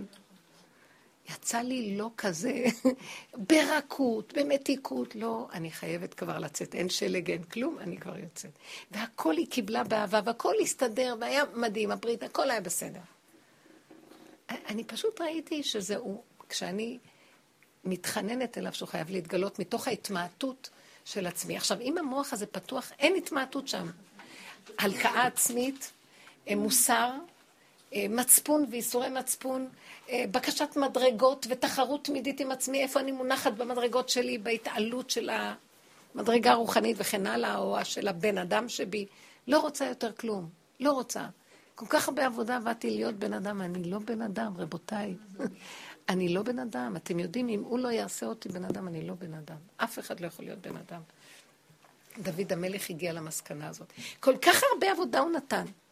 כל כך הרבה באמת תרגילים ועבודה עצמית. הוא היה צדיק גמור. הוא היה לפני משיח בן דוד, משיח בן יוסף. צדיק, התגברות, משנה למלך, כוח החיובי, ובסוף השם הפיל אותו בניסיון הזה של בת שבע, והוא ראה פתאום, אני אמרתי לו, בחנני ונשני, כאשר בעצם, אם נתבונן מה קרה שם, הוא עשה את התחמון הכי לא יפה בעולם. ועוד תגידו, זה היה הכל על פי הלכה. שימו לב שההלכה בכלל לא קשורה למדרגה של האמונה באמת, הלכה של, של, של הגלות. כי על פי ההלכה, הוא לא לקח אישה, אשת איש, הוא לקח אישה פנויה. ההלכה פשוטה אומרת, היא אישה פנויה, נכון? בואו נספר את הסיפור מה היה. אה, אוריה החיתי היה נושא כליו של גוליית. וכשגוליית בא לחרף מערכות ישראל, שמחנה ישראל חונה מול פלישתים, ארבעים יום ההוא יוצא, מקלל, מקלל, והוא נושא לו את השריון, אוריה החיתי ואת הכל. כשדוד המלך הרג את גוליית בקליע הזה, והוא ניגש לראות את המפלצת הזאת על האדמה, אז הוא אמר לאוריה החיתי שהיה נושא כליו מבוהל מהמראה הזה, הוא אמר לו, תשמע, אם אתה כורת את ראשו, אני אגייר אותך ואתן לך בת ישראל לאישה. יצתה באותו רגע בת קול ואמרה, כל כך בקלות אתה מחלק את בנות ישראל לכל מיני אנשים, חייך שאני אתן לו את הזיווג שלך. וזו הייתה בת שבע. עכשיו, בת שבע הייתה בתו של אה, דואג האדומי, אחד מגדולי הסנהדרין. ובאמת, אוריה החיתי הזה היה גר צדק אמיתי, והוא צדיק היה, והוא נכנס בתורה, והוא היה לוחם גדול ומצביא. כשהיו צריכים לצאת, אחרי שהוא התחתן עם בת שבע, כן? דוד המלך היה את הסיפור הזה שיוצא לגג והוא רואה את בת שבע שמה. והוא, והוא נדלק עליה, מה שנקרא. כאילו היה איזה ניצוץ שהתעורר שמה. אז הוא באמת, בעצם בידיעה פנימית, ידע שאם הוא נדלק מהמקום הזה, משהו פנימי יותר, ולא חיצוני, תבינו, אז הוא הבין שהיא הזיווג שלו, אבל קרה כאן משהו נורא. לא, הבת קול הזאת הייתה נשמעה לעצמו גם. בכל אופן, היה צריך לצאת למלחמה, ודוד המלך חילק את הצבא ואת המצביעים והמפקדים, והוא שם את אוריה החיתי במקום מאוד מאוד מסוכן בחזית. אני לא יודעת מה הייתה מחשבתו, אבל הוא שם אותו במקום הזה. אוריה החיתי לא שב מהמלחמה. מלכות בית דוד, כשהיו יוצאים למלחמה, הסנהדרין של מלכות בית דוד, היו נותנים גיטים לנשים, הבעלים היו נותנים גיטים, כל הלוחמים נתנו גיטים שלא תישארנה עגונות. אם נניח נעלם איזה לוחם או נחטף או משהו, שהאישה לא תישאר עגונה. זה היו, הם היו פשוט נות, כותבים גיטים, היו חיילים יושבים, שהם נשואים, אלה שנשואים, וכותבים גט, ומוסרים אותו לאישה. אז בעצם הנשים פנויות, כי הם קיבלו גט. עכשיו, בתור אחת שהיא פנויה, אחרי האבל של זה שבעלה אה, נפטר במלחמה וזה, אז שולח דוד המלך לקחת את בת שבע לא לאישה, כי הוא יכול לקדש אותה, כי היא פנויה. על זה בא נתן הנביא ומוכיח אותו עם הסיפור של המשל. הוא הלביש את זה במשל של כבשת הרש. הוא סיפר לו, לא אי אפשר לבוא למלך ולהגיד לו גנב, או מה עשית? אלא הוא סיפר לו על אחד שהיה לו כבשה אחת בודדה, ולאחד שהיה לו מלא מלא דברים וזה, אבל הכבשה הבודדה הזאת, אז זה שהיה לו הרבה כבשים התאווה אליה, והוא רצה אותה בשבילו. אז הוא לקח את הכבשה הזאת בחוזקה, הוא סיפר לו סיפור. אז האיש, דוד המלך משתאה מהסיפור ואומר לו, מה אתה מספר לי? הלוא בן מוות איש עושה כזה דבר. אז הוא אומר לו, אבל זה אתה. אתה עשית את אותו דבר בצורה אחרת. כי הנביא הוא איש אמת. עכשיו, כל מי שאומר שדוד המלך חטא, הוא לא חטא, כי הוא עשה דבר שבסדר, הוא יכול לקחת אישה פנויה לו, אבל הוא הראה לו בזווית היותר פנימית איזה, איזה נקודה של גניבה עצמית ותכמון כזה של נגיעה מאוד גדולה. אז שימו לב שאני אומרת באמת שההלכה לא עסוקה בדבר הזה. לא, היא לא עסוקה במידות, היא עסוקה בהלכה. אבל אם האדם אין לו ניקיון במידות, אז גם ההלכה באיזשהו מקום פגומה במשהו. כי גם ההלכה קשורה בסופו של דבר. מה ההמשך? לא, אחרי שהוא אותו, מה... עכשיו הוא כבר התחתן איתה, והוא לקח אותה. היא הייתה בהיריון, וכשנולד הילד הזה, אז הוא מת. אז הוא הבין, הוא ישב עליו שבעה, והוא הבין שבחטאו שזה עשה, זה היה החטא שלו שמת.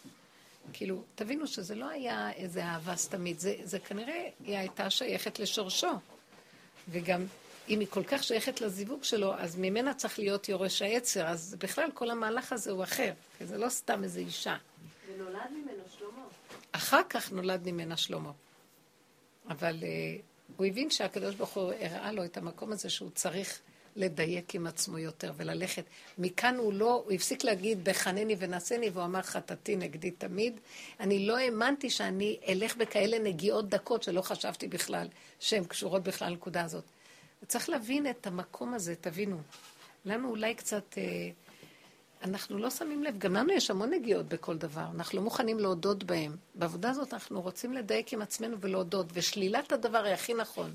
אה, אתה שולח אותו לחזית? מה, למה אתה שולח דווקא אותו לחזית? כי הוא חייל מצוין, הוא מפקד מעולה, וזה טוב שהוא בחזית. אבל תדייק קצת, למה אתה לא שם עוד אחד כזה שהוא גם כמוהו באותה נקודה? למה דווקא אותו? ובזה הוא לא דייק, כאילו, הנקודה של להתבונן בדיוקים שלנו, בכל הזוויות האלה, זה מודה באמת, זה המקום שבו מתגלה השם. כשיש אמת, הוא אומר, נגעת באמת, אמרת את האמת, אני איתך באמת. אני אסדר שמה שאתה צריך, אני יכול לסדר אותו אם אני רוצה. אתה לא צריך לעשות בצורה כזאת את הדברים. חשבונות רבים ותחמונים. זה נקודה ש... אה, שדוד המלך כל כך עבד, עד שהוא הגיע למקום שהוא הבין, אני כל כך, בטבע של עץ הדת, כל כך נגוע, שחטאתי נגדי תמיד. אכלתי מעץ הדת ותמיד אני מלא חשבונות רבים. אז אני עכשיו מבין שאני בסכנה מאוד גדולה. אז כל פעם שהוא אמר, שיוויתי השם לנגדי תמיד, ישר הוא הוסיף, מתוך חטאתי נגדי תמיד. לא שיוויתי השם, אני בדרגה. כי עץ הדת אומר, שיוויתי השם.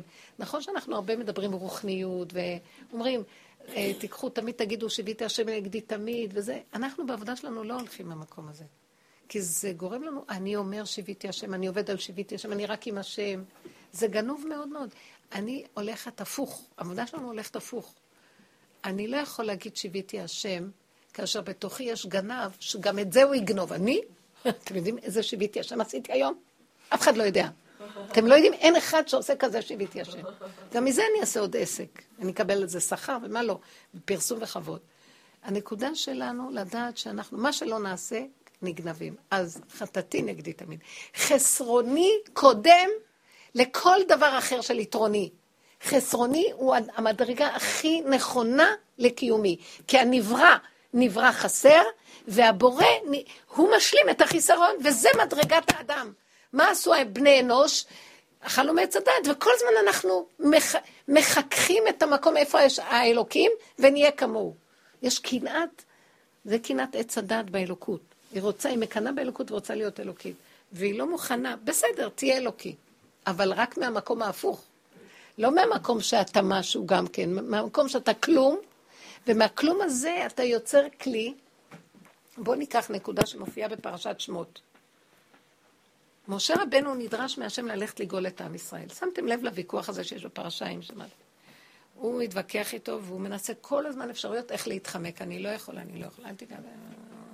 תשלח נביאה, תשלח, אני מגמגם, אני כבד פה כבד לשון. אהרון הכי יותר גדול מי יותר חשוב. וכן הלאה וכן הלאה. הן לא יאמינו לי, אני אלך לעם ישראל, חבל לך לשלוח אותי, אף אחד לא מאמין. זה לא נראה סביר שאני אגיד להם שאתה... השם מתעקש איתו. ואני מתפלאה ואומרת, מה זה שהוא כל הזמן אומר, אני... הוא מנפנף את השם. ואומר, אני לא. אבל מהדרך הזאת כל כך הערכתי את ההנהגה של משה רבנו, ואמרתי, הנה איש אמת. ולא רק שהנה איש אמת, הוא מכין את הכלי לגילוי של השם בתפקיד שהוא נותן לו. כי הוא גם יכול להגיד, טוב, אדרבה, וואו, איזה תפקיד. עזוב משכורת, כזה תפקיד, שיא הכבוד, מנהיג של אומה. אז הוא אומר לו, לא, לא, לא, לא, לא. ובסוף הוא אומר לו, אתה מתעקש? בינתיים על הלא, לא, לא שלו, הוא בונה כלי. אני לא יכול, אני לא יכול, אני לא יכול. הוא אומר, הוא כן תעץ. הוא אומר לעצמו, אל תיגנב על הכן, תגיד לא, לא, לא, לא, לא. היה איזה שלב שהוא אמר לו בסוף. אם אתה לא הולך איתי, אני לא יכול לבוא. אז הוא עכשיו אומר לו, עכשיו יש כלי, אני נכנס ואנחנו הולכים. והוא היה איתו לאורך כל הדרך. היו שם הנהגות אלוקיות, שלא היו ולא נבראו עוד קודם לכן, ממש גילוי השם. וזה חוכמה מאוד גדולה. איזה חוצפה משה רבנו, השם מדבר איתו ואומר לו, והוא עוד מתווכח איתו. מה זה הוא מתווכח איתו? איזה, איזה...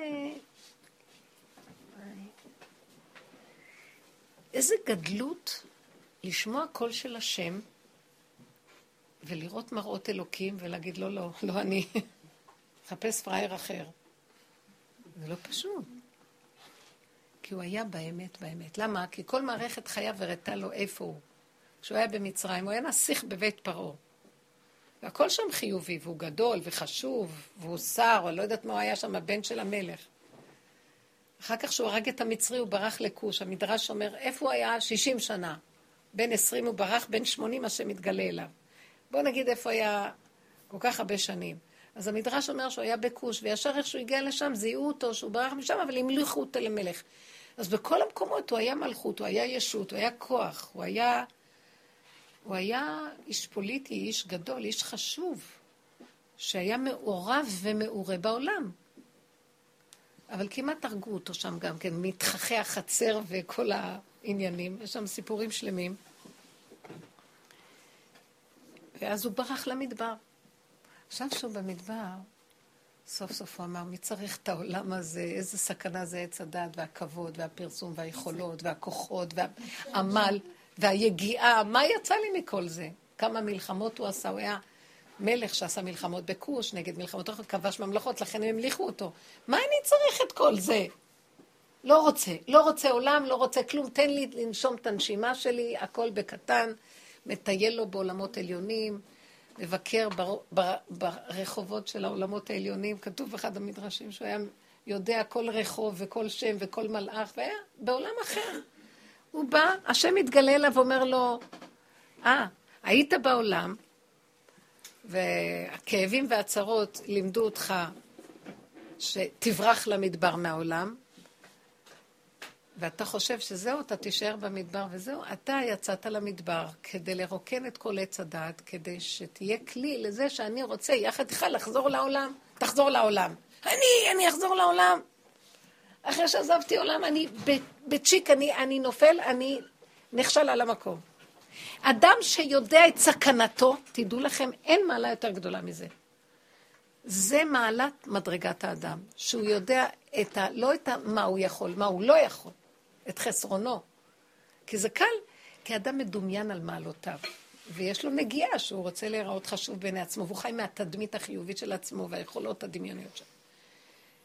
עד, ש... עד כדי כך שמישהו יגיד לו איזה פגיעה או משהו, שבור.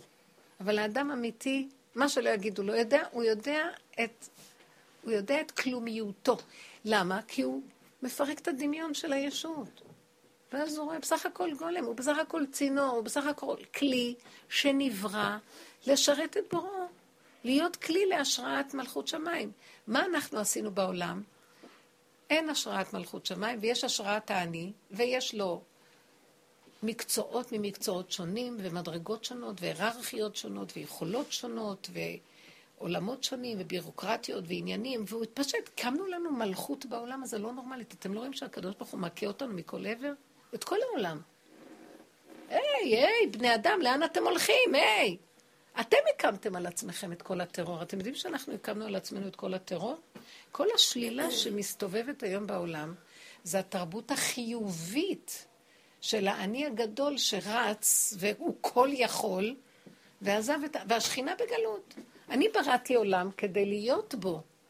בורא ונברא, כלי ואור. מחול, ריקוד, הכל בקטן ואמת, באיכות, בפשטות אמיתית, איכותית. התגדלתם והתקדשתם והתעליתם ונהייתם, ואני, איפה אני? אני הולך להחריב את הכל. אתם, אתם רעים, לפחות כמו אלה שאני מביא לכם, שאתם מזדעזעים מאיתם. מה אתם חושבים? אתם הגנבים הכי גדולים. אתם אכזריים על מציאות כוונת הבריאה. אני לא התכוונתי שככה יראה העולם. אז הוא מביא לנו משהו שמזעזע אותנו, אבל זה בדיוק התשקיף של עצמנו, מה אתם חושבים? לא נראה לכם, אה? השלילה הזאת שמראים לנו, של הטרור הזה, אנחנו עושים את הטרור הזה למלכות שמיים. הגניבה של האדם לא נורמלית. לא נורמלית. אתם לא מבינים שאנחנו, בתרבות שלנו, אין לנו רגישות לאמת בכלל. אנחנו... אני לא יכולה להגיד את זה אפילו. רופאים יכולים להמית בני אדם בשביל הכבוד שלהם ולא לשים לב. אה, מי שעומד בראש של משהו יכול לגנוב לעצמו את הממון שאחרים אין להם מה לאכול והוא יאכל טוב מאוד ולא אכפת לו כלום, הוא גם לא יודע מה הוא עושה. לא צריך ללכת רחוק, זה מספיק שאני משתמשת בכוח שלי על הילד שלי. מאה אחוז. וצועקת עליו וגוערת מאה אחוז. מאה אחוז. המון ילדים סובלים מחרדות ומפחדים, וסובלים מרגשי נחיתות וזה, כי הכוחנות של ההורים או של מה שקורה שם גונבת לו את החיות שלו גם כן, ומוציאה אותו לעולם יצור חלש ומבוהל. כל כך הרבה דברים שאנחנו עושים, אחד לשני, אחד עם עצ... אני עם עצמי. זה הולך דרגה אחר דרגה, מן הכלל אל הפרט. קיצור, כל המקום הזה, בסוף השם יקום לדון. הוא כתוב, בסוף השם יקום לדון את עולמו. יקום, איך הוא אמר? אה, הוא יקום לדון את ביתו, את הבית שלו. ככה נראה הבית שלי. אני בניתי כלי לשרות בו, וככה תראו מה עשיתם לי. כך כתוב במילים האלו, יקום לדין, שהשכינה תקום לדין את ביתה. ככה עשיתם לי? לא לזה התכוונתי. אז בקיצור, הוא שולח לנו דברים שמבהילים אותנו. אני זוכרת שפעם אה, הייתי הולכת לכותל בבוקר וזה, ורב אושר פעם אמר, היו שם, הייתה אז אינתיפאדה לפני שנים, ואז היו המון חיילים, היו פיגועים כאלה של התאבדות, אה, כאילו זורקים רימונים, מתפוצצים. הייתה תקופה כזאת בירושלים. כל פעם יש תקופות. אז רב אושר פעם, כשהלכנו אה, לכותל אז הוא אמר, הוא דיבר שם עם תלמידים ואמר, תראו כמה חיילים יש פה, כאילו שהם יכולים לשמור. הם חושבים שהם שומרים. ברגע יבוא מחבל אחד זורק ואף אחד לא יכול לעשות כלום. ומה אתם חושבים? שסתם המחבל הזה בא, ומה אתם חושבים שהוא זורק רימון ומפוצץ ונהיה רסיסים פה ונראה דברים מזעזעים, מה שקורה מפגיעת רימון?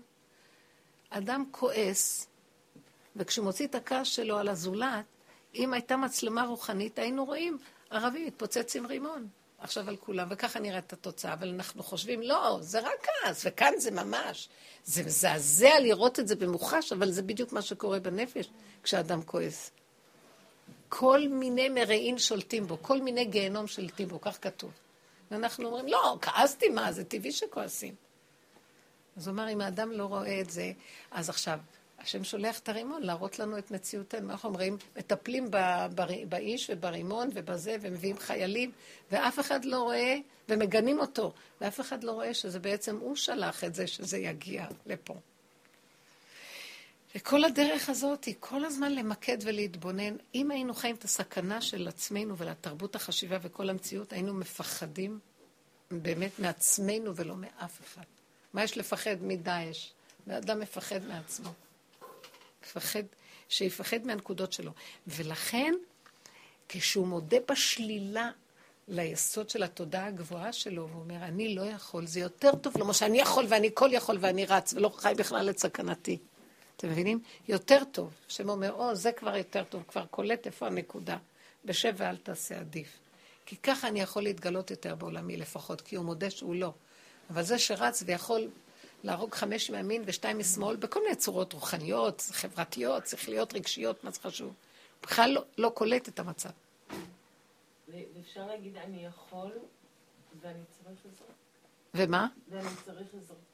אני יכול ואני צריך עזרה. תראו, לא, אני לא אה, אני אגיד לכם, אני לא באה להגיד את זה מתוך תבוסתנות. כן, כי באמת- לביקורת. נכון. אז בדרך הטבע, נכון, בדרך הטבע יש יכול ולא יכול. ואם אני יכול זה טוב, אבל אם אני לא יכולה אז אני נשבר, כי אני רוצה להיות יכול. אני לא מדברת על המקום הזה.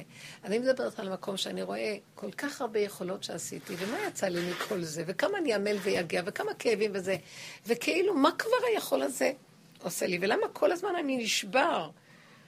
למה אני מאוים מהלא יכול? כשאדם מתבונן לעומק, הוא מתחיל להגיע למקום. רבותיי, אין מקום יותר טוב מלהגיד אני לא יכול. אני לא מדברת על העולם. לא, אבל אין מקום יותר טוב להגיד לא יכול כשאני יודעת ש- ש- שהתודעה שלי פתוחה שאתה יכול. שמה? כשאני מודעת לזה שהוא קיים והוא יכול. כאילו, יש איזה מקום שאני רוצה גם, שאני צריכה להתאמן ב... בלהכניס את התודעה שלי אליו. זאת אומרת את זה מובן מאליו, וכולנו פה כאילו, אה, מובן לנו מאליו שיש בורא לעולם, אבל לא באמת זה מובן לנו. זה משהו שהוא... הדרגתי, תקשיבי רגע, אני בדיוק באותו. מקום איפה שעכשיו את מתארת. רק דבר אחד, אולי יש נקודה שאני יכולה להגיד אותה יותר ברור. המכות עשו את שלהם, ונתשש כוחי, שאני באמת יכולה להגיד, אני לא יכול, אני גם לא רוצה להיות יכולה, ונמאס לי להילחם. אז עכשיו שאני במקום הזה, מוכרח שיהיה משהו אחר שיקום ויעשה. למה מוכרח? כי יש איזה כורח פה. יש כאן יולדת, ויש כאן ילד, ויש כאן זה, ויש כאן זה. אז עכשיו, בדרך הטבע אני קם ואני עושה. לא אכפת לי שאני אקום ואעשה, אבל אני רוצה את התהליך. בתוכי אני צריך לדבר איתו. אני אעשה, אני לא רוצה לעשות מתוך כוחנות. התוצאה שתהיה עשייה, כי זה עולם העשייה. וכן, יש נקודה שעושים, ואתה שלחת את זה שהיא רוצה ממני. אבל אתה יודע מה? אתה שלחת אותה שהיא רוצה ממני כדי לבחון אותי אם אני ארוץ או אני אריץ אותך. תרוץ אתה. כי לי כבר אין כוח. אז הוא אומר, אוי יופי, כל מה שאני מנסה אותך זה כדי להחליש את הכוח הזה. האנושות חייבת להגיע למקום של הכנעה. הרפו ודעו כי אנוכי השם. אז זאת אומרת, אנחנו לא נעשה את זה מתוך זה שאני צריכה להתאמן שיש השם. את לא, לא תוכלי אחרת. בעל כוחך תגידי, אני לא, אז אתה חייב לקום. כי אני אגיד לכם למה. נכון, נחמד. אני אגיד לכם למה. אה, השם מביא אותנו למקום שלא מה שאנחנו רוצים הולך לנו זה טוב. אם אנחנו נסכים לזה, אנחנו נשברים. התהליך שלנו זה להרפות ולהסכים. להרפות ולהסכים. במקום לפרש את זה כמזעזע או נורא. במקום הזה, זה מביא אותנו יותר ויותר לבהירות שיש מי שמנהל את העולם והדברים, לא סוף העולם. דברים יסתדרו. הבנת מה אני מתכוונת? אז, אז כשאת, את לא צריכה להתאמן במוח לראות את השם. את מבינה מה אני מתכוונת? המצב של בעל כוחך מכריח אותך שאם את לא, התהליכים חייבים להתבצע, יש משהו אחר שמתגלה והוא יעשה. אני אפילו לא קוראת לו השם. את יודעת שגם המילים מגבילות. אני יודעת שקיים, יש חיות בבריאה שהיא מנהלת אותה ואני מפריעה לה על ידי המחשבה שלי. היא קיימת, כי מאיפה אני נושמת ואיפה קמתי הבוקר ומאיפה כל המהלכים האחרים. זה חוץ מזה וחוץ מזה יש איזה השם בשמיים. אז אני צריכה להתאמן לדעת שיש השם כזה. לא צריך, אני קמתי, זהו. אז עכשיו הוא מביא לי משהו ויש לי כוח התנגדות נוראית, זה הוא הביא לי את ההתנגדות, וגם הוא יפתור אותה, והוא יסדר את הכל. למה חלק זה הוא וחלק אני? את מדברת הרבה מתוך כל הלימוד תורה שאת יושבת עליו במשך שנים ארוכות. כאילו יש משהו בלימוד תורה שהוא מאוד מכניס את התודעה הזאת שיש בורא לעולם ויש לו ספר הנהגה. איך מונהג העולם? אני רוצה להגיד לך דבר שתקשיבי טוב טוב טוב. את שואלת שאלה מאוד טובה. רוב הדוסים אין להם קשר עם בורא עולם בכלל. יש להם קשר עם החוק של התורה. והטבע שם יותר חזק ממה שאת יכולה לדמיין לעצמך. לכי לבני ברק ותנסי שם להביא אמונה. יש אמונה גם בספרייה. בספריית הספרים של הדת יש גם קטלוגים של ספרים, אבל הכל גדר של דעת. הכל גדר של כוחי ועוצם ידי. את לא תאמיני עד כמה. אני אפילו לא אומרת את זה בצורה שלילית. אני נותנת לך גדר שזה הגלות, כי אם קיבלנו את הדעת תורה, אבל בלב חולים. אני חייב לעשות את מה שהתורה אומרת. מה שאנחנו מדברים זה קיבלנו תורה, והשלב הבא של הגאולה הבאה, גם את הקיום זה אתה. למה חצי זה אתה וחצי זה אני? אין אני בכלל ואין עוד מלבדו. וזה החלק הזה מאוד קשה להכניס ליהדות הגלותית. יותר קל להוציא את היהודי מהגלות מאשר להוציא את הגלות הזאת מהיהודי. שהוא חושב שהוא. ויש לו אחריות, הוא כביכול כאילו משנה למלך בארץ מצרים והוא צדיק ויש עליו אחריות. בואי תגידי לו, תפרק את האחריות, תן אותה לבורא עולם. הוא לא מבין מה את אומרת. בשביל זה בא רבי נחמן. או, בשביל זה בא אור האמונה בעולם, והאור של, זה האור של דוד המלך בעצם, זה לא, רבי נחמן הוא בנוי ממהלכים קודמים, והוא חלק נדבך, הוא בשרשרת הזאת. שבעצם כל העיקר הוא בסופו של דבר להרפות. עכשיו, גם בברסלב יכולים להיגנב, שחושבים שאנחנו יכולים לעבוד את השם. מבינה? הכל גם הולך על זה, גם שם יכולים ליפול ברוחניות של חיובי, של עבודת השם וכל זה. הזמרה. גם שם יכול, הכל יכול. עץ הדת הוא חקיין הכי גדול, ויכול לקחת כל דבר וגם כן לחקות אותו. רבי נחמן היה במקום, אבל אנחנו מאחוריו יכולים ליפול. ולכן עבודתנו כל הזמן לחיות את הסכנה, והדבר שהוא הכי בדוק למצב הזה זה שלילת מציאות היש. אני לא. לא יכול, אני לא מבין, אני לא יודע. אם תתאמנו בזה, עכשיו את אומרת, כן, את אומרת, כי קל לך להגיד, כי את כבר יודעת. את יודעת כמה קשה לי להשיל את הידיעה שנותנת לי תחושה של אני, ולהגיע למקום של להגיד אני לא? אין לך מושג כמה מכות וכמה כאבים, עד שהעיניים, את יכולה לראות אותם מאחורה.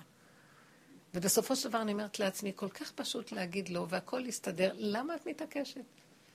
ותתאמני על הכיוון הזה. אתם יודעים, בעלי תשובה נמצאים במקום הזה כבר מזמן.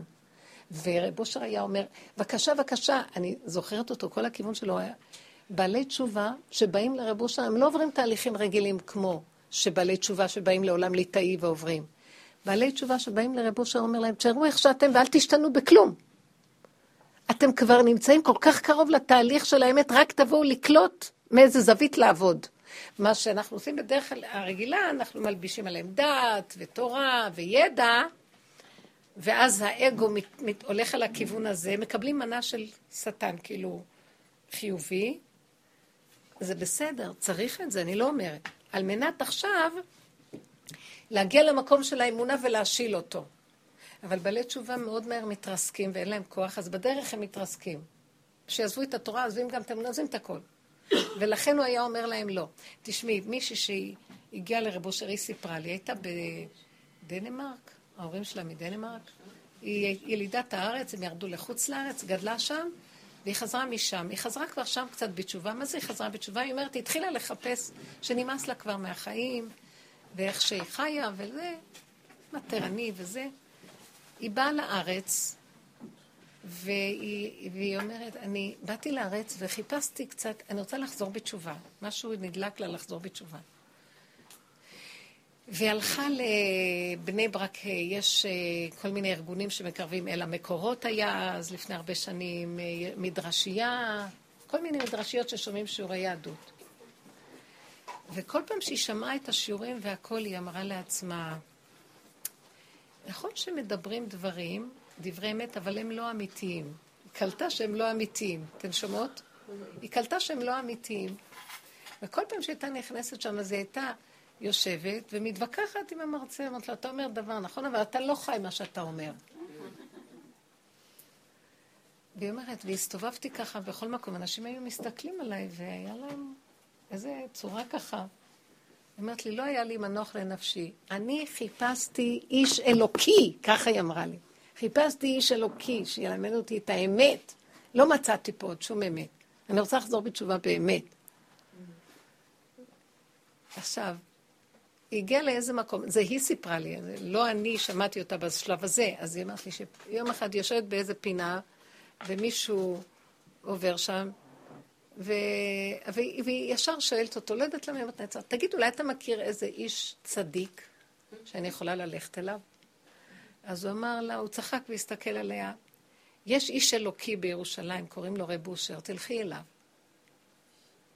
היא נכנסה לרב אושר, הסתכל עליה, והוא אמר לה, אותך רק השם יחזיר בתשובה, אל תלכי לאף מקום. אני אומרת, נשארתי בחצר הזאת, אני מכירה אותה עד היום, נשארתי בחצר הזאת, והיא אומרת לי, איך הוא החזיר אותי בתשובה? אפילו ספר אחד לא למדתי, שומרת שבת, מקיימת הלכות, אבל העבודה הזאת הכניסה אותה למהלך הזה. זאת אומרת, לא דרך הדעת ולימוד הדעת, מבשרי. כמו אברהם אבינו שכליותיו היו נובעות אה, חוכמה, ומבשרו הוא קיים את התורה כולה. הוא ידע מה הוא צריך לעשות, אפילו אה, הלכות של שבות בשבת. כל מיני דברים מדי רבנן. כי שורשם תמיד בתורה. זה לא שרבנן המציאו. אז היא אומרת, כל כך בפשטות, וזה ברור, ברגע שהעבודה הזאת זה התיישרות המידות. בעלי תשובה צריכים ליישר את המידות.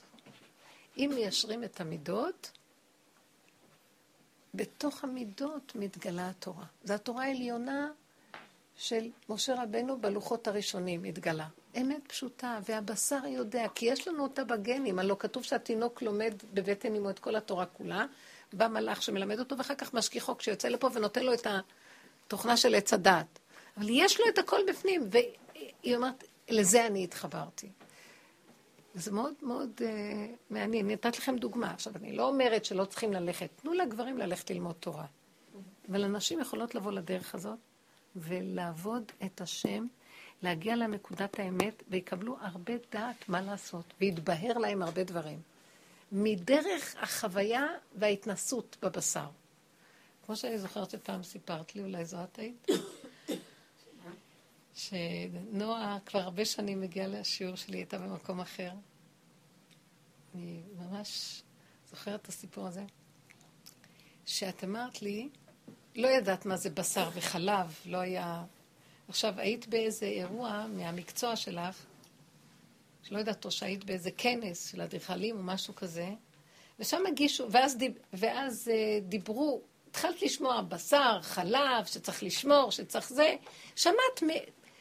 שימו לב, דבר קטן שהיא שמעה, והיא עוד לא בדת, אבל שומעים, שומעים, שבת, חלב בשר, כשר. אז uh, היא הייתה שמה, ואז הגישו כיבוד. ובא... היה שם שולחנות ערוכים, כל מיני דברים, והיא ניגשה, תוך כדי שהיא מדברת עם חברה, ניגשה לקחת איזה כיבוד. בא איזה מלצר והפריע לה, ולא יכלה. אחרי שהוא עבר, בא משהו אחר וחצץ ולא יכלה לנגוע בשולחן. פעם שלישית היא באה לקחת משהו, נופל לה מהיד. לא יודעת מה. סיפרת שהיה לך כמה פעמים את החוויה שאת רוצה לגשת, לקחת כיבוד, ולא הולך לך, ופתאום נעצרת כהלומת רעם ואמרת, וואי, אני אכלתי בשרי וזה שולחן חלבי. והיא אומרת לי, ראיתי את השם עוצר אותי. מה דעתכם? זה כל כך... אה? אני זוכרת. את הסיפור הזה עד היום. עכשיו, מדרך הטבע המניע, לא מה... אתם רואים עכשיו, לא מהשכל בכלל, יש בורא לעולם והוא שומר עליי, ובאיזה צורה, והוא גם מקליט לי לתוך המוח, זה זה. עלה, המ- ה- אוי, זה בשר, אני אכלתי בשר וזה חלב. אז אני הבנתי שיש עניין מאוד חשוב בעניין של בשר וחלב. מהחוויה התיישב לעניין של בשר וחלב. ומאז התחילה לשמור בשר וחלב, אני זוכרת את זה. וככה, זאת חוויה אמיתית של גילוי השם, מה שהוא אמר לה, אותך רק השם יחזיר בתשובה. השם ידבר מהמעיים שלך ואת תדעי מה לעשות. ועכשיו, בעלי תשובה באים, כמובן שהליטאים, אה, אנחנו שודדים שמתנפלים מהכיוון הזה, וכל אחד רוצה לכיוון שלו, לשדוד את, ה, את האנשים שיבואו לעניין שלו. אז רוצים מהדעת. אתם יודעים מה? הגברים שילכו מהדעת. אנחנו כנשים, בואו נגיד, תדעו לכם, אם תהיו נאמנות ליסוד התשובה, השם ייכנס שם, וית... כי התשובה באה מאורו של משיח. היא לא, על פי דרך טבע, אין, למה שבעל תשובה עשה כל מה שהוא רק רוצה, פתאום בא לו לחזור בתשובה, וכל העולם יסכים לו. באה התורה ומקטרגת, אומרת, לא, הוא עשה כל כך הרבה חטאים. הלוא התורה אומרת, חטא כזה ישלם ככה, חטא כזה יעשה ככה. יש ארבע מיתות בית דין, חס ושלום. יש סקילה, שרפה, הרג וחנק. יש אה, אה, יביא קורבן, יתחפר לו. יש זה, זה. ומאוד מסוכן, היום אין קורבן, אז בבשר שהוא עשה, אי אפשר סתם לוותר לו, יש דין וצדק בבריאה. בא הקדוש ברוך הוא וחותר לו חתירה, וממלאת אותו מכל הקטרוגים של הצדיקים, של הצדקות התורנית, של, של השופטים שיושבים והם שופטי תורה, שופטי אמת בבריאה. לא יכול להיות שהבריאה הזאת הפקר. פתאום בא לו לחזור בתשובה. אני, הוא אומר השופט, כל החיים שלי לא הלכתי לחוף, לא התרחצתי, לא ראיתי נשים, לא כלום, עבדתי, הרגתי את עצמי. הוא עשה הכל, ופתאום הוא נהיה צדיק, לא הולך ככה. אתם יודעים שיש קטרוג כזה? אז בא הקדוש ברוך הוא ואומר, רגע, אבל צריך להציל את האדם הזה מה, מהשופטים האלה ומכל הבתי דינים האלה, כי הם צודקים, ואני בראתי אותם, בראתי את החוקים, ואני לא יכול להגיד להם לא. כי אז הם יגידו, השופט כל הארץ לא יעשה משפט, אתה בראת את החוקים, תכבד אותם. אז הוא צריך לעשות בהסתרה חפירה מנהרתית כזאת, ולמלט את הנשמות אליהם, ולתת להם גם איזה הערה שמאיפה שהם יתחילו. בא אור של משיח, האור הגנוז, ונותן להם הלוואה. אומר, קחו, תתחילו, תעבדו עם זה. הם באים עם אורות הרבה יותר ממה שיש בעולם של התורה. אתם מבינים מה אני אומרת? הם יכולים יותר בקלות לגלות את מציאות השם, מה שאצל אדם חרדי כזה דבר כמעט ולא יהיה. השכל שלו יודע הכל, והוא סומך על שכלו ויודע. מה זה פתאום? יכול להיות שעם כל מיני מקרים שרואים שיש שם השגחה, אבל בעיקרון זה עובד אחרת. אז לכן אני אומרת, אל תנסי לחפש משהו אחר. אדרבה, תתמקדי במדרגה שלך, ומשם, דווקא, עוד צעד אחד את כבר נמצאת שם.